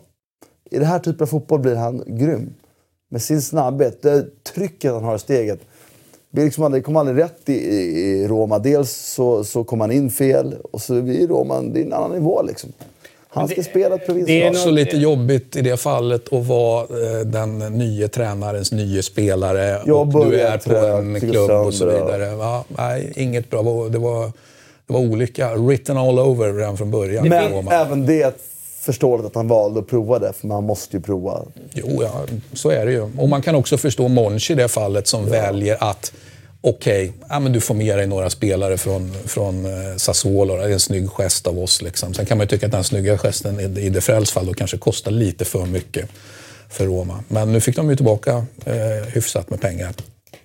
Jag tycker att det är coolt, eh, coolt klubbval av många anledningar. Dels så Sampdoria har ju något speciellt över sig eh, sen eh, när jag var liten på 90-talet. och följde dem mycket. Eh, och som jag alltid lite stolt brukar säga, jag åkte ner och kollade på Mancini sista match eh, i Sampdoria innan han lämnade för Lazio. Det var ju helt magiskt. Och det finns någonting med klubb... Emblemet, arenan, tröjorna, alltihopa. Så det är bra val. Och som du säger, en fantastisk stad att bo i. Det sjuka är om man har varit där så då förstår man ju också hur hemskt det här bro, eh, broraset mm. är. Det är helt... Hela stan innan det kopplade... Att, när jag bara läste först att det är bro som hade rasat tänkte man ja, det är väl tragiskt. Men när jag fattade vilken bro, att det var just den bron som hade rasat så är det ju chockerande på alla sätt och vis. Men det är ju stilpoäng av honom att välja klubben av de orsakerna du pratar om. Men det är också stilpoäng i att inte ta återställaren och gå tillbaka till Cagliari. För det var ju också på tapeten. Och Cagliari var ju heta på att liksom lyfta, mm. lyfta hem Albin. Då. Det... Bra Albin, att du inte flytta ja, sen till är det fantastiskt att bo i. Och Gianpaolo. Och Gianpaolo. Det, det är värt att komma ihåg det. Eh, om vi tittar Walter Sabatini och, och tänker att han kan någonting om, någon, någonting om fotboll i alla fall. Sen kan man diskutera vad det är han kan om fotboll. Jo, han, är duktig, det eh, han hävdar ju att Gianpaolo här har vi att göra med en av Europas, eller en av världens absolut främsta tränare när det gäller att, när det gäller att utveckla spelare, då, som mm. vi var inne på tidigare. Så vem vet? Får jag flagga Albin. för en grej som är lite grann som du kanske kan skriva om i din tidning då, som är lite positivt om svenskar i utlandet. Det är ju att eh, Sveriges centrala mittfält i landslaget som kommer bli framöver, nästan hundra på det, att det blir Hiljemark och Ekdal sitter nu i eh, Genua och eh, mm. spelar i rivaliserande klubbar eh, mot varandra och har de här derbyna. Det är ju lite spännande. Båda startar och spelar. En liten intressant infallsvinkel på det hela. Du tror Hiljemark blir ordinarie? Alltså? Yes, det tror jag. Eh, ja, det kommer bli... Napoli då? Härligt och roliga underhållande matcher för den som är, är inte... Är lagd åt det hållet? Ja, men det har varit liksom tre raka 2-0 underlägen. Och så, så har det varit liksom öppna spel. Ja. Vad, du som håller på dem, vad tänker du kring det då? Jag tänker att eh, truppen är bättre än förra året ändå. Och jag tycker att än så länge är, är utfallet sämre och försvarsspelet framför allt är oroväckande dåligt. Att det är, man ska ha respekt för att det är... Alltså man ska inte dra för stora växlar efter en match eller två matcher. Tre matcher. Nu börjar man bli lite orolig. Att fan, faller det här ihop som ett korthus där bak nu? Då, då är verkligen... Eh, så, så, så stor skillnad tror jag ändå inte det var. Att det är Sarri bättre än Charlotte som tränare, det, det, solklart. Men att Ancelotti var så mycket sämre än Sarri, eller var Sarri så jävla Men bra? äh, det är också det här vi pratade om, vi pratade om tidigare, vad man bedömer när man Men det är för rekryterar någon. När man rekryterar någon. Det konstiga är alltihop att rekryteringen av Sarri, den utgår ju bara från mer eller mindre metoden. Det vill säga, så här, han har gjort någonting väldigt spännande när han varit tidigare. Han, det är inte att han har vunnit mängder av titlar som de tar in honom. I Ancelotti så är det, ju- tycker jag ju då tvärtom att liksom, tankegodset som de får i honom, det är ju totalt sekundärt mot erfarenheterna. Det finns ingenting i hans metod här och nu som känns som att han kan ge Napoli en konkurrensfördel på samma sätt som Sarri kunde göra det. Så att det, man- han- De Laurentiis blir liksom... Du, får jag bara säga, alltså det, vissa saker ju, kan man ju liksom inte... Det är ju bara fakta liksom. Så här. När Noah säger att Sarri inte har vunnit Jo, men jag, titlar, då trodde kan han du inte pratade börja om skriva. Ancelotti. Jag Ja. trodde att han pratade om. Ancelotti. Ja. Han har ju vunnit titlar. Ja. Ja, jag, jag, jag tänkte trodde vi bara pratade om jävla- Ancelotti, sorry. Någon jävla ordning måste vara ett parti. För vi pratade ju om det här Napoli menar jag. Så att, Eh, nej, jag vill bara så att vi... Vuxna i rummet. Ja, att det blir någon fake, news-attack här. Eh, att men nu är- Sarri har tio titlar, för fan. Det är... Det är lätt. Nej, men det är, en, Fråga det, till är, Olsen. det är ändå med nu. Så nu är ändå Milik med från början av säsongen. Eh, Verdi kommit in. Eh, många av de här unga spelarna har blivit ett år äldre. Så det är ju en bättre trupp det här än vad, än vad Sarri hade. Och jag finns, i moment tycker jag att det har sett bra ut. Jag tycker Zielinski fortsätter ta steg mot vad han har gjort för två år sedan, eller ett år sedan vid samma tid. Men det är också saker som jag blir väldigt oroad över, alltså med Napoli. Och jag ser med fasa fram emot när Napoli ska spela hemma mot Liverpool. Liksom. Mm, bråka. Det kan det bli... Eh, bara en snabb sammanfattning då. Ekdal startar mot eh, Napoli utbytt. Eh, Hiljemark eh, från start för Genoa mot Sassuolo. Eh, Olsen givetvis i mål eh, för Roma och Helander eh, i, från start för Bologna. Jag tycker det är lite kul att det är mycket svenskar Ah, Helander startade i Bologna. i, i den här ligan. Eh, som, eh, jag ska faktiskt ska ner och kolla på match här om två helger tror jag eh, nere i Rom. Det ska bli jävligt roligt. Eh, vi tar oss till eh, Spanien. suttit och funderat lite grann, Martin, Noah och Christian, på Real Madrid. Eh, de tappade ju sin eh, fixstjärna där. Eh, Men, men det som har hänt, och, och det här är ju någonstans som jag vet att alla ni har pratat om, det är ju Benzema.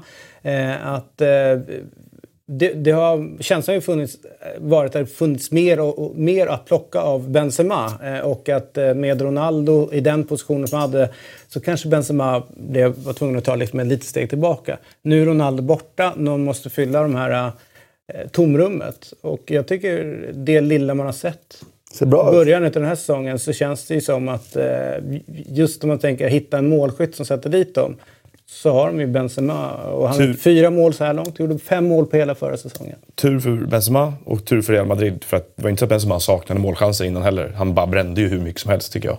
Eh, Men både för honom och för dem, helt avgörande att han gör mål. Med tanke på hur saker ser ut nu. Så att, eh, Nu vet inte jag hur...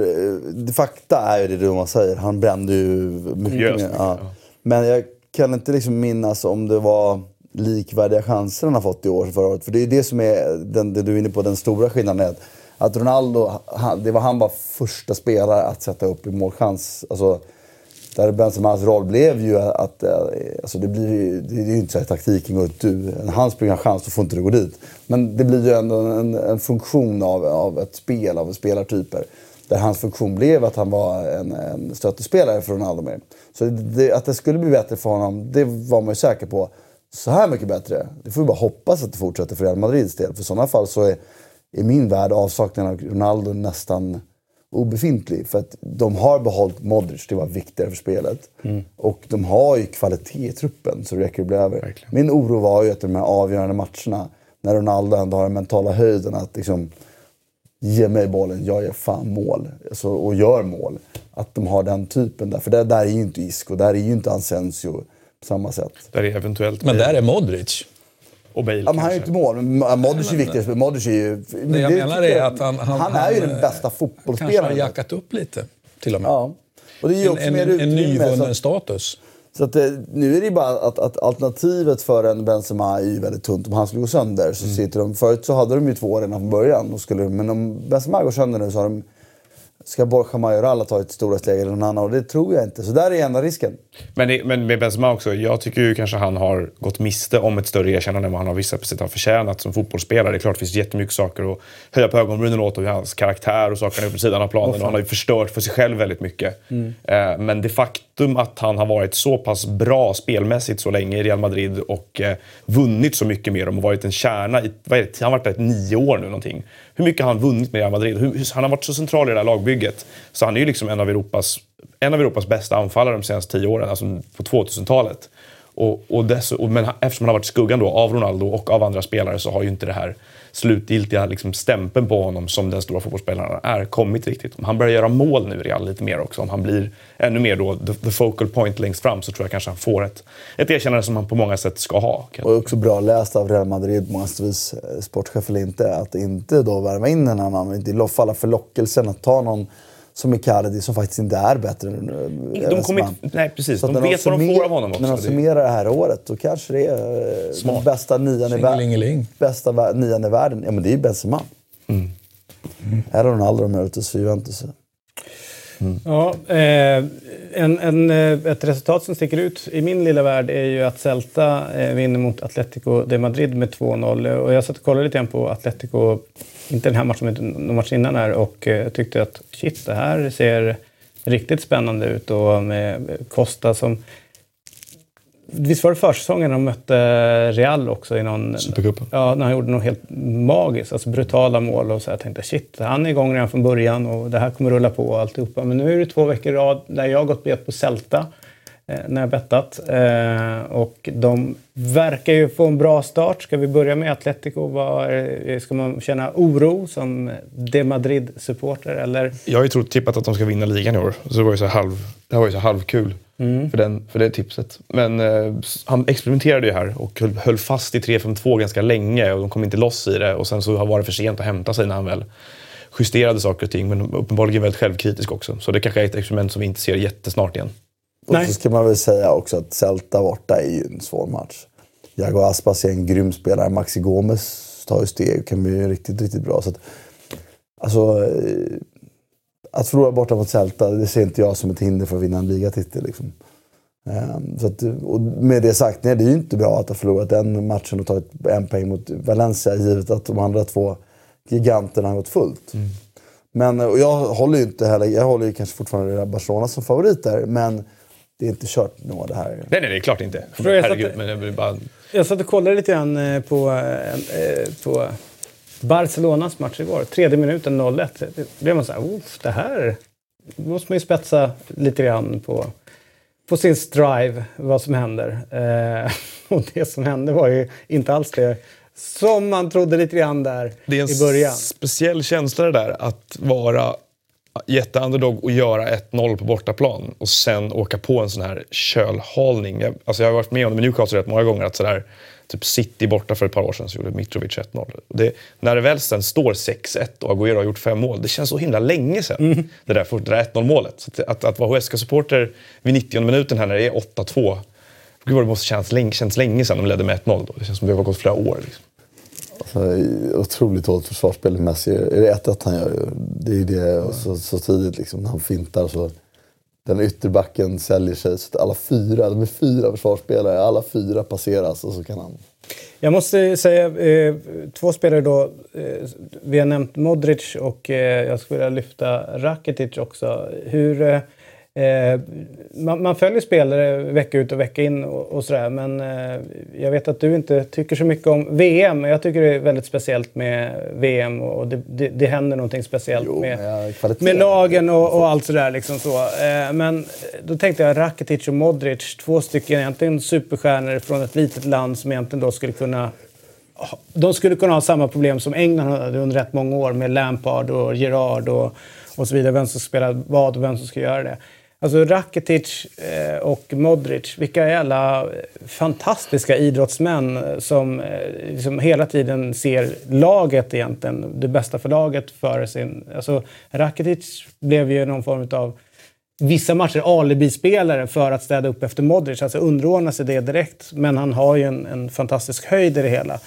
Gjort att efter så har jag en en kraftigt, större. ja, men en större respekt för deras eh, idrottande. De två just Alltså, och jag tycker det är rolig jämförelse att göra för Lampard, Lampard och Gerrard är ju inte på samma nivå. Alltså Modric och Rakitic är ju bättre mittfältare. Och det visar sig. 2000 procent bättre skolade spelare framförallt. Ja, och det är det som De kan ju inte använda... Alltså, Lampard och Gerrard till exempel då. Individuellt, tekniskt och sådär. Typ kraften, fysiken och så vidare. Det fanns mycket de två som var bra. Men det som är slående med att titta på just Modric, Modric Rakitic under hela turneringen, jag håller med dig, det är ju att de är så smarta. Alltså de, de skapar ju, de styr ju exakt hur matchen ser ut väldigt mycket genom att tänka och förstå saker och ting. Och till och med åt varandra. Modric kunde ju många gånger eh, liksom, bara uppehålla sig i en yta ganska lä- länge under matchbild för att sätta motståndarna ur spel, för att frigöra Rakitic. Och sen så var rytmen Kroatiens igen.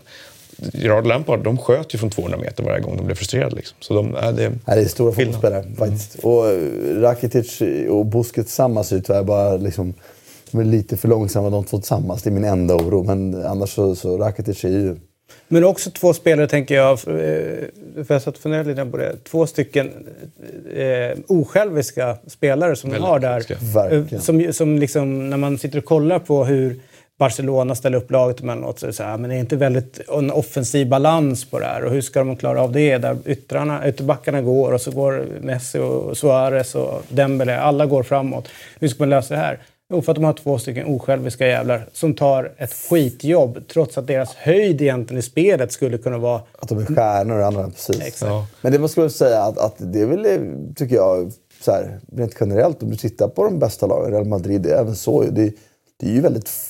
De flesta är ju otroliga lagspelare. Juventus samma sak. Det är, Ja, det är ju faktiskt så. I Barcelona så är det ju Messi som har utrymme att inte göra jobbet defensivt. Alla, och Dembélé är ju en annan typ då, men alla andra är ju väldigt underordnade laget. Och i Real Madrid var det ju Men med Ronaldo som var underordnad. Så jag tycker att det, det, ibland får man lite felaktig bild där. och Folk förstår, alltså jag säger inte att du inte gör det, men folk ibland missar lite att, det är otroliga lagspelare. Och jag håller med dig till 100% där, men det som brukar bli när det liksom blir ett hack i skivan, det är sen när de går, i, går till landslaget. För då går de liksom från stora Barcelona till exempel. Och så ska de gå med folk som spelar i... i, i Inte Brozovic.